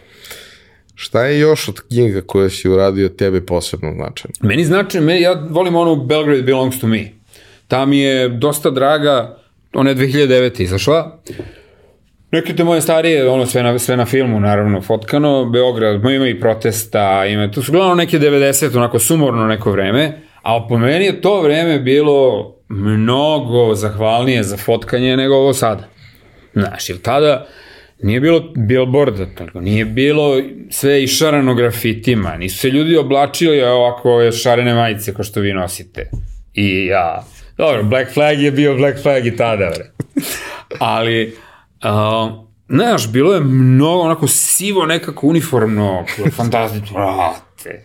Bilo je fenomenalno za fotkanje. Tako da, ta je- knjiga mi je posebno draga. Znaš. To je taj moment, ovaj, to, gomila ljudi je to zaključila kao sve stvari koje su se desile pre 2000-te, koje su fotkane, kako znaš, nema ni jedan billboard u kadru. Nema billboard, nema plakata glupih, nema... Plakati su bili bilo je, na ali iz- mestima na kojima su bili. Da. Oni stubovi u, Da, bilo u je, knezu bilo je i da to je bili to. plakati za izbore, fazon, znaš. Znaš, ti obiđeš ako ima koncert, ako nisi obišao Da. taj stup, ti ne znaš da postoji. Jeste, jeste, jeste. Pa posle bile one razne građevinske ograde, pa su njih lepili, Da, pa te tako. jure Ove što lepiš građevinsku Znaš kako, ogradu. bilo je potpuno, znaš, potpuno drugačije, ali za fotografiju savršeno. Znaš, mada gledaj, za dobru svinju nema loše pomije, brate, tako da i sada ja, znaš, nosim foto, nosim Rikoha mog sa sobom non stop, brate, i uvek svaki dan je nešto fotkam. E sad, da li ću ja to da po- pogledam ili ja to fotkam iz čiste navlake svoje na klik, to ćemo da vidimo, ne znam, nikad ne znam. Kakav je tvoj proces sa tim materijalom koji konstantno A, Praviš. brate, kakav je proces. šizofren, a? Pa šta me to pitaš? Znaš kako, čak i u početku, ono dok sam radio sve na filmu, znaš imam ovako negative, bum, bum, bum, ono, foldere, čak i u tom početku, znaš kako, ja nikad nisam ja imao neku organizaciju. I onda kao, skeniram, nazovem mačka u prozoru ili dečak sa nožem, znaš, ono, i sad ti se, naravno, prvi godinu, dve, tri, ti se sećaš tih nekih naziva. I onda kad krene onako to masovno, kad krene to da se gomila, samo u jednom trenutku više ništa ne znaš čoveč. Nit znam gde mi je, nit gde mi je koji negativ, niti evo, desilo mi se da recimo neko hoće kupi neki print, ja ne mogu nađem negativ. Odem u Njujorku sam u laboratoriji, tamo su mi bili gomila tih negativa, ja gledam, negativa nema. Ja ga nikada nisam našao. Nikada. Nikada. Kao pare mi iz džepa iz- izvaliću kao. Jel, znaš, jel, znaš kako, ne znam, ne znam koji je način to, pogotovo sada, sa ovim digitalnim. Potpuna besmislica.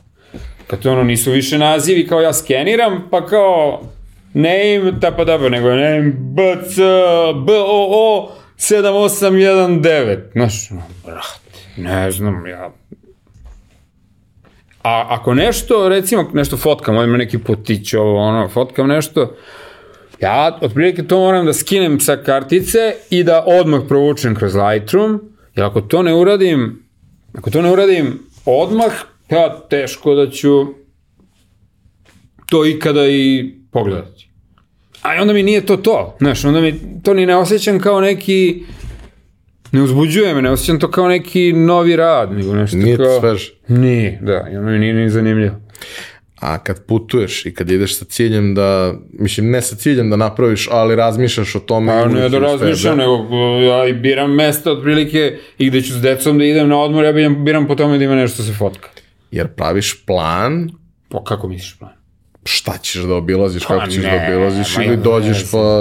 Pa ne, znaš kako ja dos, ja ni ne znam šta ima da se obilazi, ja uopšte, znaš, ne, ne, ne, ne istražujem te stvari, znaš, mene to, ja kad odem negde, ja kad odem u neki grad, ja hoću da radim ono što lokalci u tom gradu rade, ja ne idem da obilazim, znaš, istorijska mesta i ono, robne kuće gde idu mali japanci da šopinguju.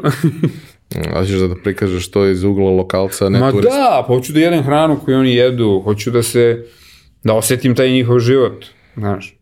Šta od putovanja pamtiš? Da ti je stvarno bilo... Pa ja Kingston. To, bio sam tri puta. Tri. Četiri. Ne znam, tako. Kingston, da, da, da, love-hate relationship, pa znam, znaš, ono, najagresivnije neko mesto, možda je Haiti je verovatno gori, znaš, ali ovo je, nije zezanje. Znaš, mi je bilo baš onako ludo i nikad neću zaboraviti. I si išao kad, da fotkaš Bolta ili... Ne, ne, išao sam, posle sam išao fotkam boda, imam knjigu, imam knjigu Kingston baš, imam knjigu Kingston, to sam išao tamo u neki tip koga znam, uh, on je bio profan, profesor matematike tamo i onda je zadržao kontakte sa tim nekim svojim učenicima, oni žive u nekim krajevima koji su pakleni, ali oni su normalni klinci, ali ih ovi cene iz gengova i to, znaš, tamo, na primer, cene te ljude koji imaju znanje i rade normalne poslove i tako to, koji su recimo iz tog kraja, iz geta nekog, Ne diraju ih. ne, tamo cene, tamo nije ono da otac za sina hoće da bude isto što je i on, da otac iz genga hoće za sina isto to, on hoće bolje za sina. I to je zanimljivo. Znaš, to je zanimljiva stvar tamo bila. I on me povezao s tim nekim klincima i oni me povezali s tim nekim gengovima nekim i bilo baš dobro. A Južna Amerika? Pa nisam nešto bio, bio sam u Brazilu nekoliko puta. To, bio sam u Venecueli jednom, bio sam u Meksiku, Mexico City par puta. Mexico City ludilo. To je ludilo. To mi je, znaš, ono, ta energija tog grada, to je haos. to što ti kad slećeš, ono, ti letiš nad gradom jedno 20 minuta. Letiš. Kako, kako je dobra fora, vrati, letiš nad gradom i ono kao nema kraja, čoveč. I onda sletiš kao aerodrom u centru grada, fazon. Da, ja sam imao uh, ozbiljnu traumu sa tim aerodromom, jer sam imao najduži let u kontinuitetu u svom životu. Ovaj, Koliko sati? 20 sati i 5, 50 minuta. Kako? Kako kontinuitet? Jedan let. Jedan let koji je uh, Je sletio negde da se napuni. Ne? Da. u Mexico City. A ja. 14 sati uh, Istanbul, Mexico City, 3 sata u Mexico City-u, nema mrdanja iz aviona. O, pa to je I još, pakao. ne znam, dve čuke Joj, joj. do, do Cancuna. Jezivo. Pakao. Jezivo. Znači, Ma ne, to je pakao. O, grozno. tri sata sediš ovako kao idiot, poluprazan avion. Grozno. Strašno. Ali dobro, preživao sam i to, tako da mogu da kažem da, da, da izdržavam te ekstremne uslove. Ma beži, pakao. E, šta je još bilo što, što ti je bilo interesantno? Mislim, posebno su mi interesantni ti momenti što ti kada odeš negde ne ideš kao turista. Ti ne ideš da se utopiš. A ne znam, ne, nešto... Znaš, Azija. pa Azija, znaš, ono, radio sam Bangkok, tu knjigu, bio sam jedno 10 puta u Bangkoku, to je, znaš, to je super, to mi kao druga no, kuća, malte ne, no, jedno čekam da idem ponovo, znaš, klopa. Ali pazi, postoji toliko različitih utisaka iz Bankoka. Znači, možeš da ga doživiš na hiljadu različitih načina. Kako bi ga možeš. ti opisao? Pa po meni je, znaš, ono, kad ljudi pričaju kao city that, that never sleeps, e, meni je to Bangkok. Nije mi to New York, to mi je više Bangkok. Znaš, kad ono, zbog te vrućine i vlage i tog ludila, gomila ovih uličnih prodavaca otvaraju svoje štandove ono, u 10 uveče. Znaš, kad je malo bolje. Ne. Tako da meni je to, to ludilo grad. Znaš, obožavam. A ostatak Tajlanda? Nisam nigde bio. Mislim, bio sam u Hua Hinu. Ali, znaš kako, ovo što ja radim, znaš, i te neke knjige što sam izdao i to, ne možeš ti čoveče, recimo, evo, Moskva knjiga, Moskva. Pa čak i ova knjiga, znaš, zagreba malo površinu, ne, ne, ne, ne tvrdim ja da sam neku esenciju tu ubo, ali to je jednostavno moj, moj neki prvi utisak, znaš. A ti da bi, znaš, ne mogu da budem takav, ono, egomanijak i megaloman da kao, ima Rusija, kao, zato ti treba dva života, brat. Znaš, da bi takav neki zalogaj I vojska. uhvatio. Da. Dva života i vojska. Da, bukvalno. Znaš, isto tako sa, znaš, tako da ja uglavnom ti neki projekti koje sam radio, uglavnom se baziraju, znaš, na jednom, jednom gradu. Što kao, eto, bar nešto možeš da stekneš neki utisak. Ja koliko sam shvatio iz nekih razgovora koje sam slušao i, i, i kad smo malo pričali, e, tu ima nekih neverovatno koloritnih momenta koje ti uhvatiš. I gotovo uvek inicijativa dođe sa strane subjekta, a ne sa tvoje strane. Pa ima Nikad toga. to nije varijanta da ti dođeš i kažeš, e, ajde mi pokažite to važe, nego on hoće da ti Ne, pokaže. nekako, znaš šta, ali to mi je, to sam primetio, to mi se deša, dešavalo i tamo kod ovih um, narkomana, prvi put mi se desilo kod njih, kod ove, ove jedne, koja me kao, evo ćeš sa mnom, kao, sad ću da se kao puknem u venu, hoćeš da ideš do mene da me fotkaš. Ja kao, okej, ajde. Nisam do sada, ali- Ajde, kao, tam, do tada stvarno nisam, bio prvi put, majke mi. I, vrate, ja kao ono stojim na kadi, ona na WC šolji se bode u venu, ja fotkam, znaš, deca lupaju na vrata, kao mama, ovo, ono. Kao, "Aaa." I onda kao, znaš, odeš, izađeš odatle kao, šta mi je ovo trebalo, ono, odeš, opet sutradan, ne. Na, na, vlaka, vrat. Rusija, Moskva. Pa Moskva, bilo mi super, bio sam s navijačima, bio sam i ovako, a bio sam i, znaš, i s navijačima, bilo mi mnogo dobro.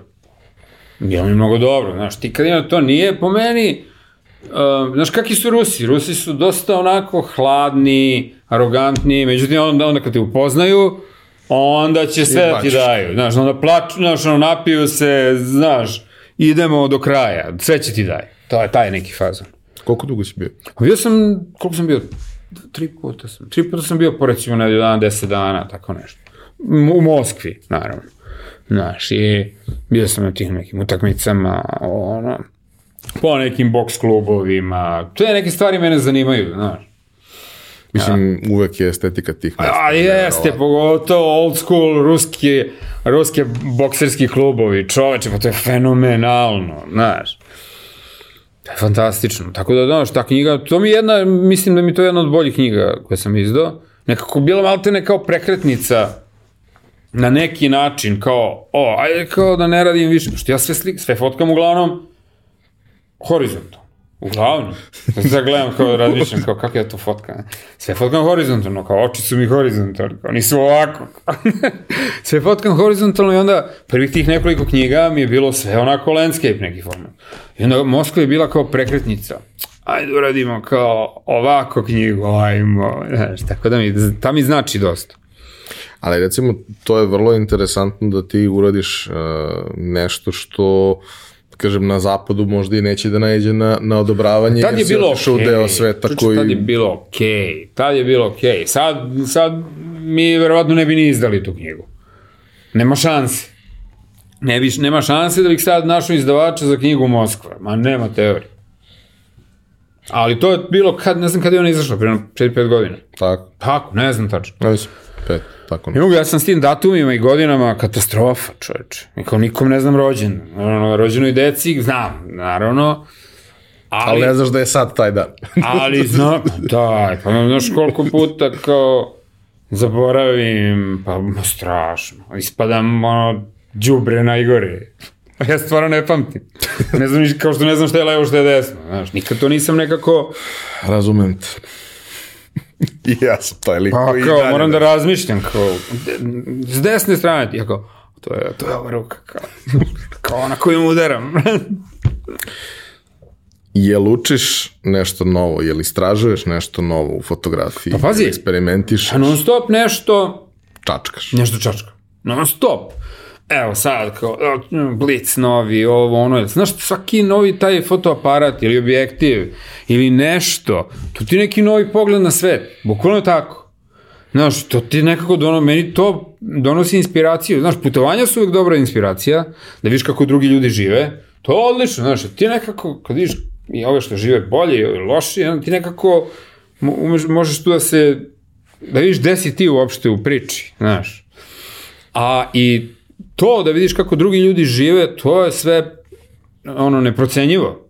Znaš, i napuniš baterije i onda kad se vratiš u svoju sredinu, taj put te promenio malo, kad se vratiš u svoju sredinu, onda vidiš opet i svoju sredinu nekim drugim očima. To su mnogo lepe stvari. A drugi način za inspiraciju je kupiš neki, neku novu opremu, brate. Kupiš objektiv neki, neko novo staklo i wow, novi svet. A jedna stvar koju hoću da te pitam, pošto si zaista radio po celom svetu i sve što, uh, tvoj utisak, neki um, način saradnje, način na koji se ophode, način na koji se organizuju stvari na različitim tržištima koje su onako interesantno. Poprilično je to Slično, a? To je popri, poprilično slično. Znaš kako, pogotovo na tim nekim većim snimanjima. To se sve zna.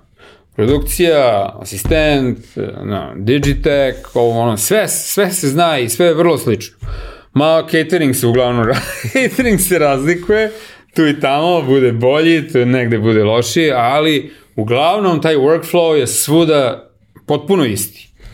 Znaš, i ja recimo, ja ne radim, ono, tetra, ne radim, nikad nisam, uglavnom nisam povezan, uglavnom, znaš, imam drugog, drugi asistent koji nosi kartice, klijenti, znaš, ono, dovoljno često vide sve šta se dešava, tako da to je neki workflow koji je uglavnom svuda prihvaćen i svuda isti. A e, jel imaš nekad projekte u kojima imaš mnogo više slobode od toga da dođeš i da samo ubiješ svoje u time slotu koji je zakazan? Jer imaš negde projekte gde ti pozovu i kažu ok, ovo je nešto, mi bismo sad teli da ti smisliš nešto za Pa nas za ovo. znaš kako, pre nego što dođe do realiz- realizacije, mi uglavnom pričamo puno o tome i zajedno smišljamo šta, šta, šta ćemo i kako ćemo i, znaš, jel, uh, znaš kako, glupo bi bilo da ti nešto smišljaš što posle nivoji advokata i korpo strukture neće prihvatiti. Tako da, znaš, ono, mi zajedno, ono, igramo ping pong, smišljamo, maž, dobacujemo se idejama i tako, tako funkcioniš. I, znaš, ono što sam ti rekao, dosta često neplanirane stvari izbiju u prvi plan. To je mnogo lepo da, da, da postoji mogućnost za tu vrstu ono, pozitivnog iznenađenja, da postoji da, prostor postoji. za tako. Da, ja mislim da uvijek postoji. Mislim da dobri kreativni direktori puštaju tako. Da, nešto. ja mislim da to uvek postoji, znaš, i uvek, recimo radio sam dosta puta, ono, sa ovim nekim jednim drugarom, mi smo sad drugari, on je za Nike radio, više ne radi, i bukvalno mi smo imali situaciju kao, znaš, on tu nešto stoji onako, znaš, mu kažem, Tebra, ajde ti sad idi, brate, pravimo mnogo bolje, viš da su se ovi usrali, pravimo mnogo bolje fotke kad ti nisi tu. kao, kažeš kreativnom direktoru, kao, ajde si ti skloni, kao, pravimo bolje fotke kad ti nisi tu. On kao, edo, ja važi, palim. Znaš. To, postoji poverenje. Naravno, Postoji track naravno, bre, znaš. Dobro. E, ono, došao si u neke godine. Dobro. Došao si na neku kilometražu sa svim tim što radiš. Šta je ono što te sad loži da radiš i šta je ono gde sebe vidiš u narednom periodu? Pa ne, kao, kao menadžera u Meku. Sve na pitanje kao, a gde vidite sebe za pet godina? Pa kao menadžera, kao... ne, znaš šta? Pa radi ono, pa sve isto čoveče, sve isto, iste stvari me lože, bre, fotografija, to je to. Te nije povukao video? Jest, jest, da, to sam zaboravio, vidi, znaš kako, dugo godina su mi ljudi pričali trebalo bi da radiš i video i ono, ne možeš ti da radiš obe stvari. Istovremeno. Istovremeno, pa gotovo istovremeno. To je besmislica, a to su radili jedno vreme fotografi, kao pa malo fotka, pa malo snimi video, znaš, i onda obe stvari su bulja. Ni, znaš, a i nisam hteo da, da ulazim u video, jer sam bio u fazonu, nisam spreman i imam baš još toliko toga da dam u fotografiji. E, a onda nekako je prirodno došlo to da me sad video zanima. Bukvalno. I to se nekako desilo samo od sebe, kao i sve drugo, znaš. Nekako opet, znaš, radio sam na ovom filmu nekom, da, Indigo Crystal, radio sam kao direktor fotografije, uh, i to se desilo oko grom iz vedra neba, potpuno, znaš, neočekivano, i to me nekako stavilo, znaš, na tu stranu, da mi, da mi glava radi u tom smeru, I znaš, život na setu je jedna vojska koja dok traje je mnogo čupavo, a onda kad se završi si u fazonu, meni ovo nedostaje. Šta ću sad? Kažu. Šta ću sad? Kao dosadno mi. Mislim, to svi kažu koji su bili na dobrim satovima. Pa da. Uh, jedna stvar je to, film, serija, slično, jer je to proces gde suštinski se formira porodica.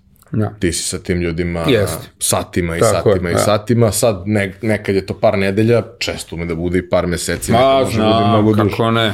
Mi smo mesec dana živjeli u Šapcu. Svi zajedno. Što? Izuzet. Ludilo. Ludilo iskustvo. Vi gomilo polovnih automobila sa vraćanom kilometražom.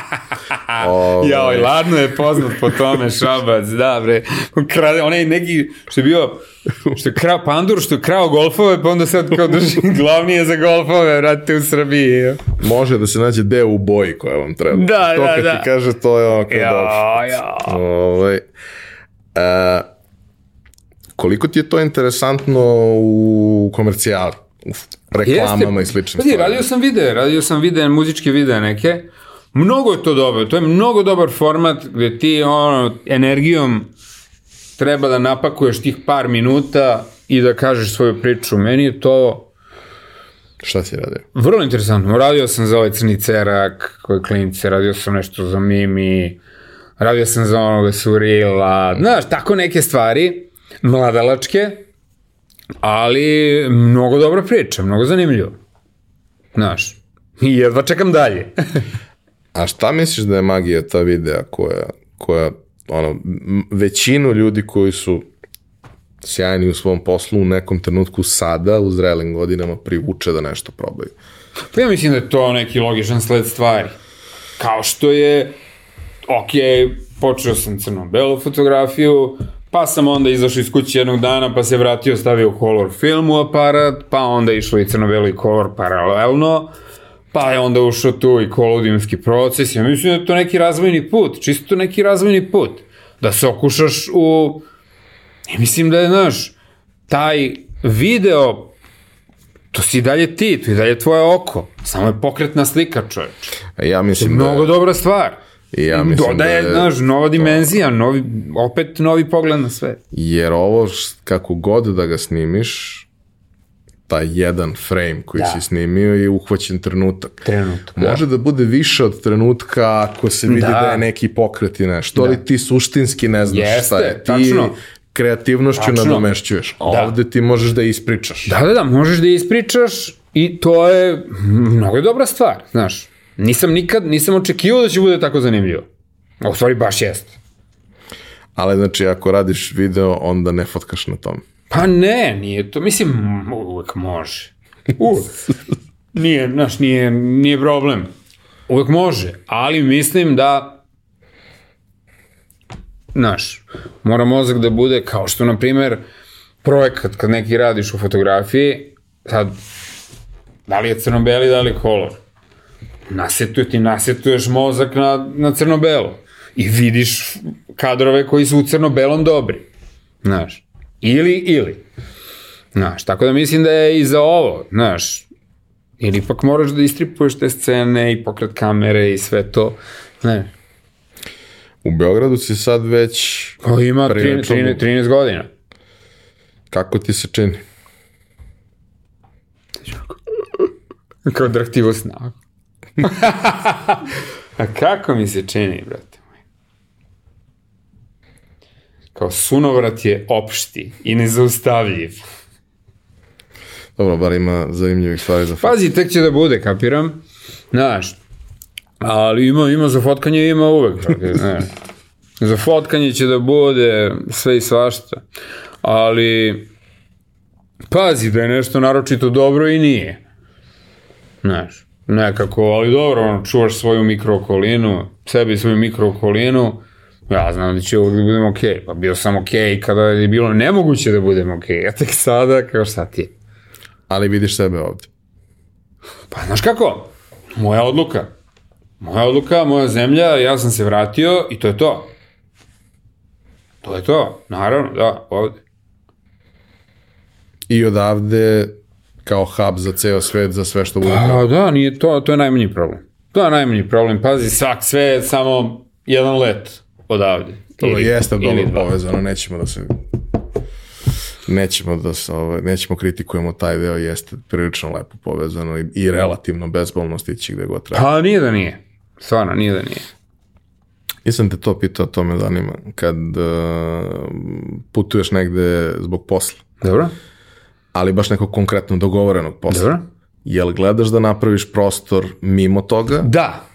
Da, ako je nešto interesantno, znaš, na primjer, to kada sam išao za Brazil, u Tokio, ono kad sam išao, na primjer, bio, išao sam da fotkam, šta sam fotkao, ovo, Kipčogija sam fotkao, onog maratonca u Tokiju, i onda sam, ovaj moj asistent i Digitek, oni su iz Njujorka, živi u Njujorku bojica, nas trojica smo ostali na, još ne, recimo nedelju dana posle toga, znaš, ostali da blejimo i da fotkamo i tako to.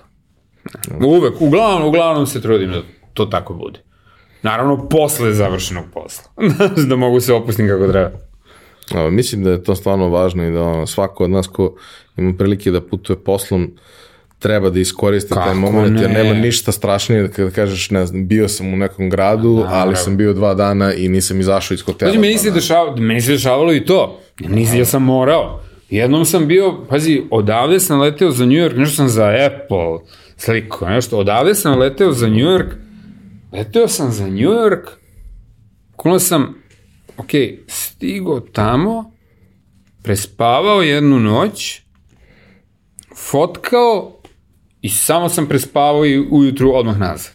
Znaš, ono, nisam stigao još, nisam stigao da osetim jet lag. Znaš, ono, vratio se i sve je okej. Šta si bre fotkao? Pa ne, što sam fotkao za Apple, ono dok su bili oni neke, neke slušalice, još pre jedno 6-7 godina.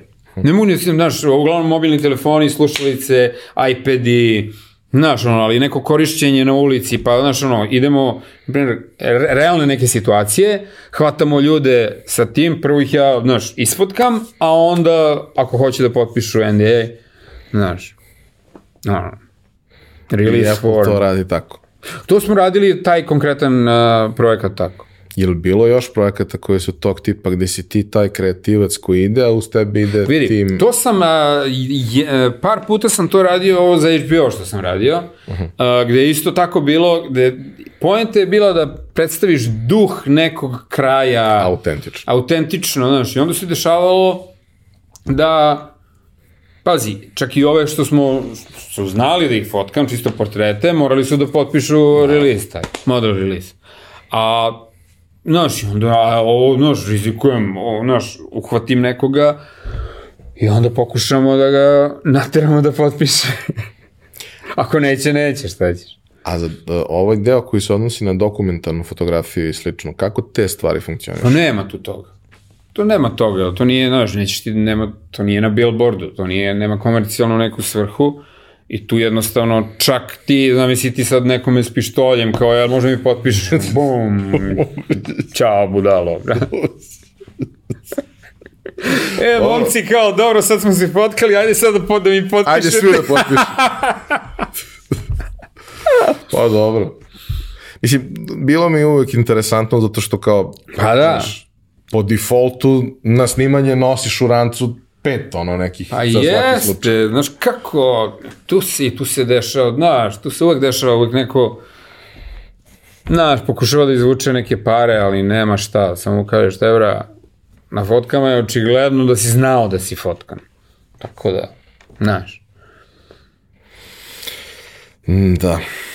Šta su neki projekti koji imaš u planu ono, za, za naredni period? Kad će da bude neka kulminacija ove Znaš kako, priče radim, uh, koje priče?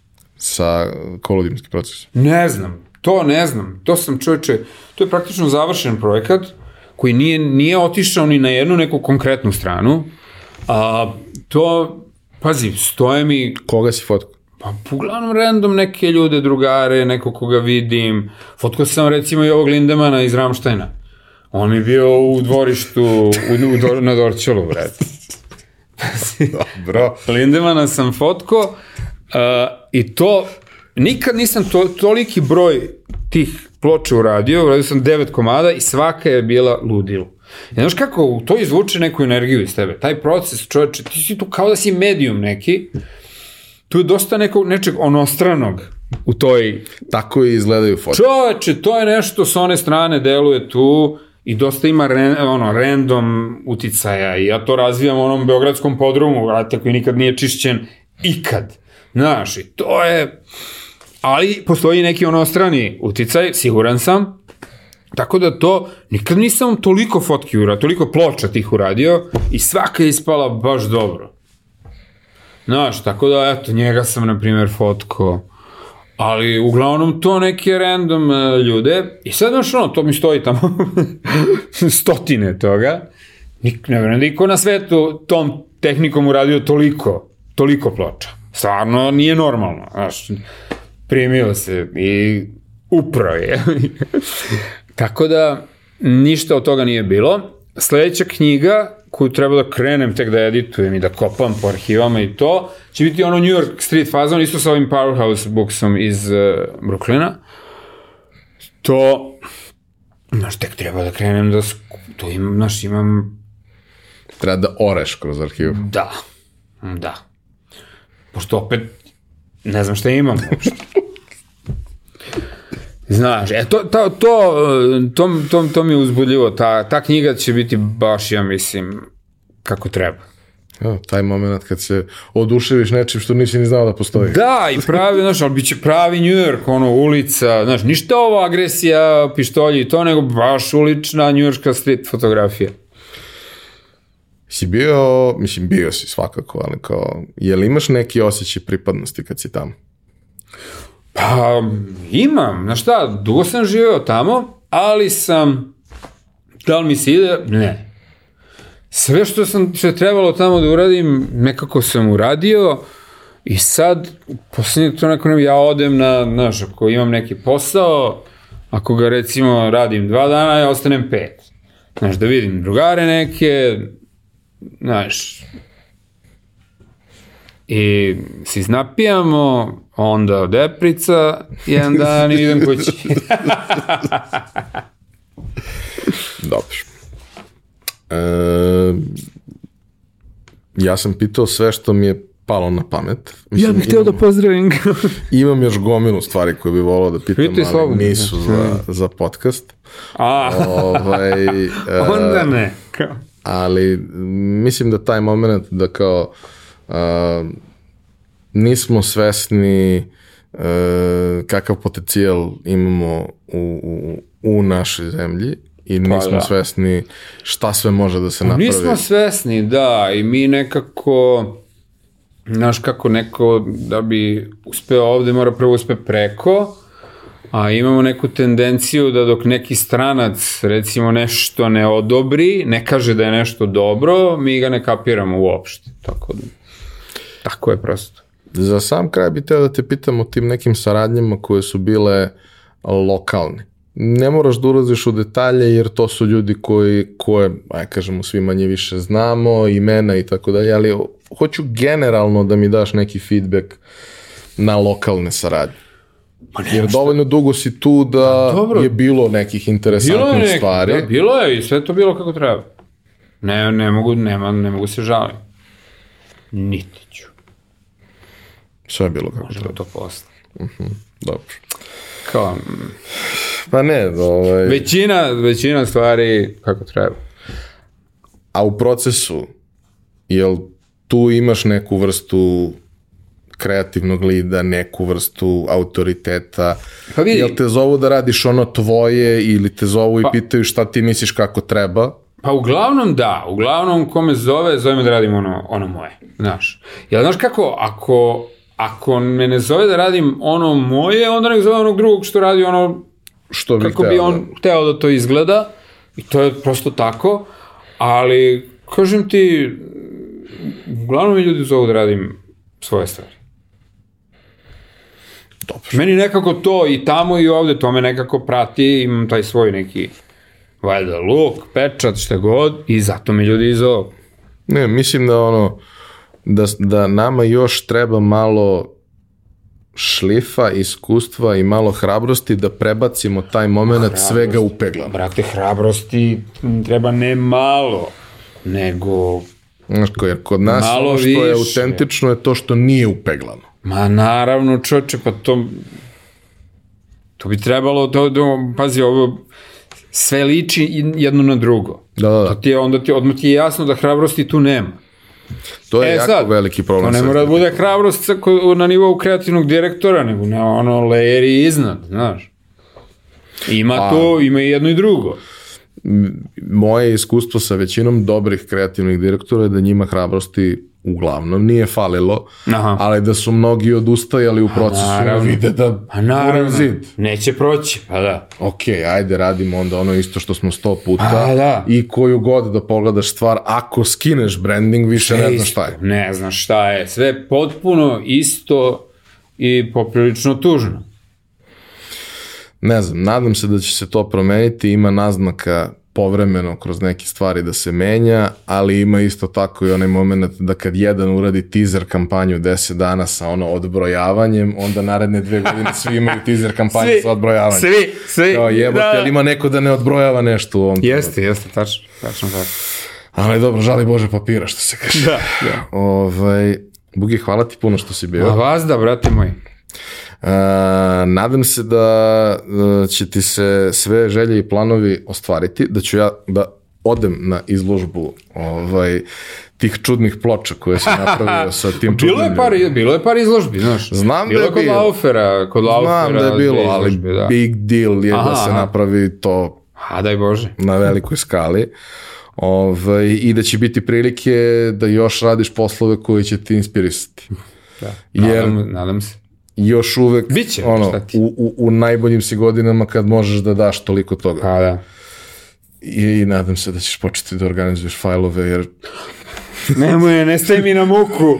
Brate, mili. Ne, ne, ne znam. Nema, pazi, idemo dalje. Čeče, sećaš se onaj uh, uh, Apple Aperture, onaj da, da, da. program? E, ja sam tada počeo kao pa hashtagove neki, onda su oni ukinuli. Da, Aperture, ja sam bio fazon da Nije šta, poživeo. šta se ja uopšte trudim da organizujem kad mi oni ne daju.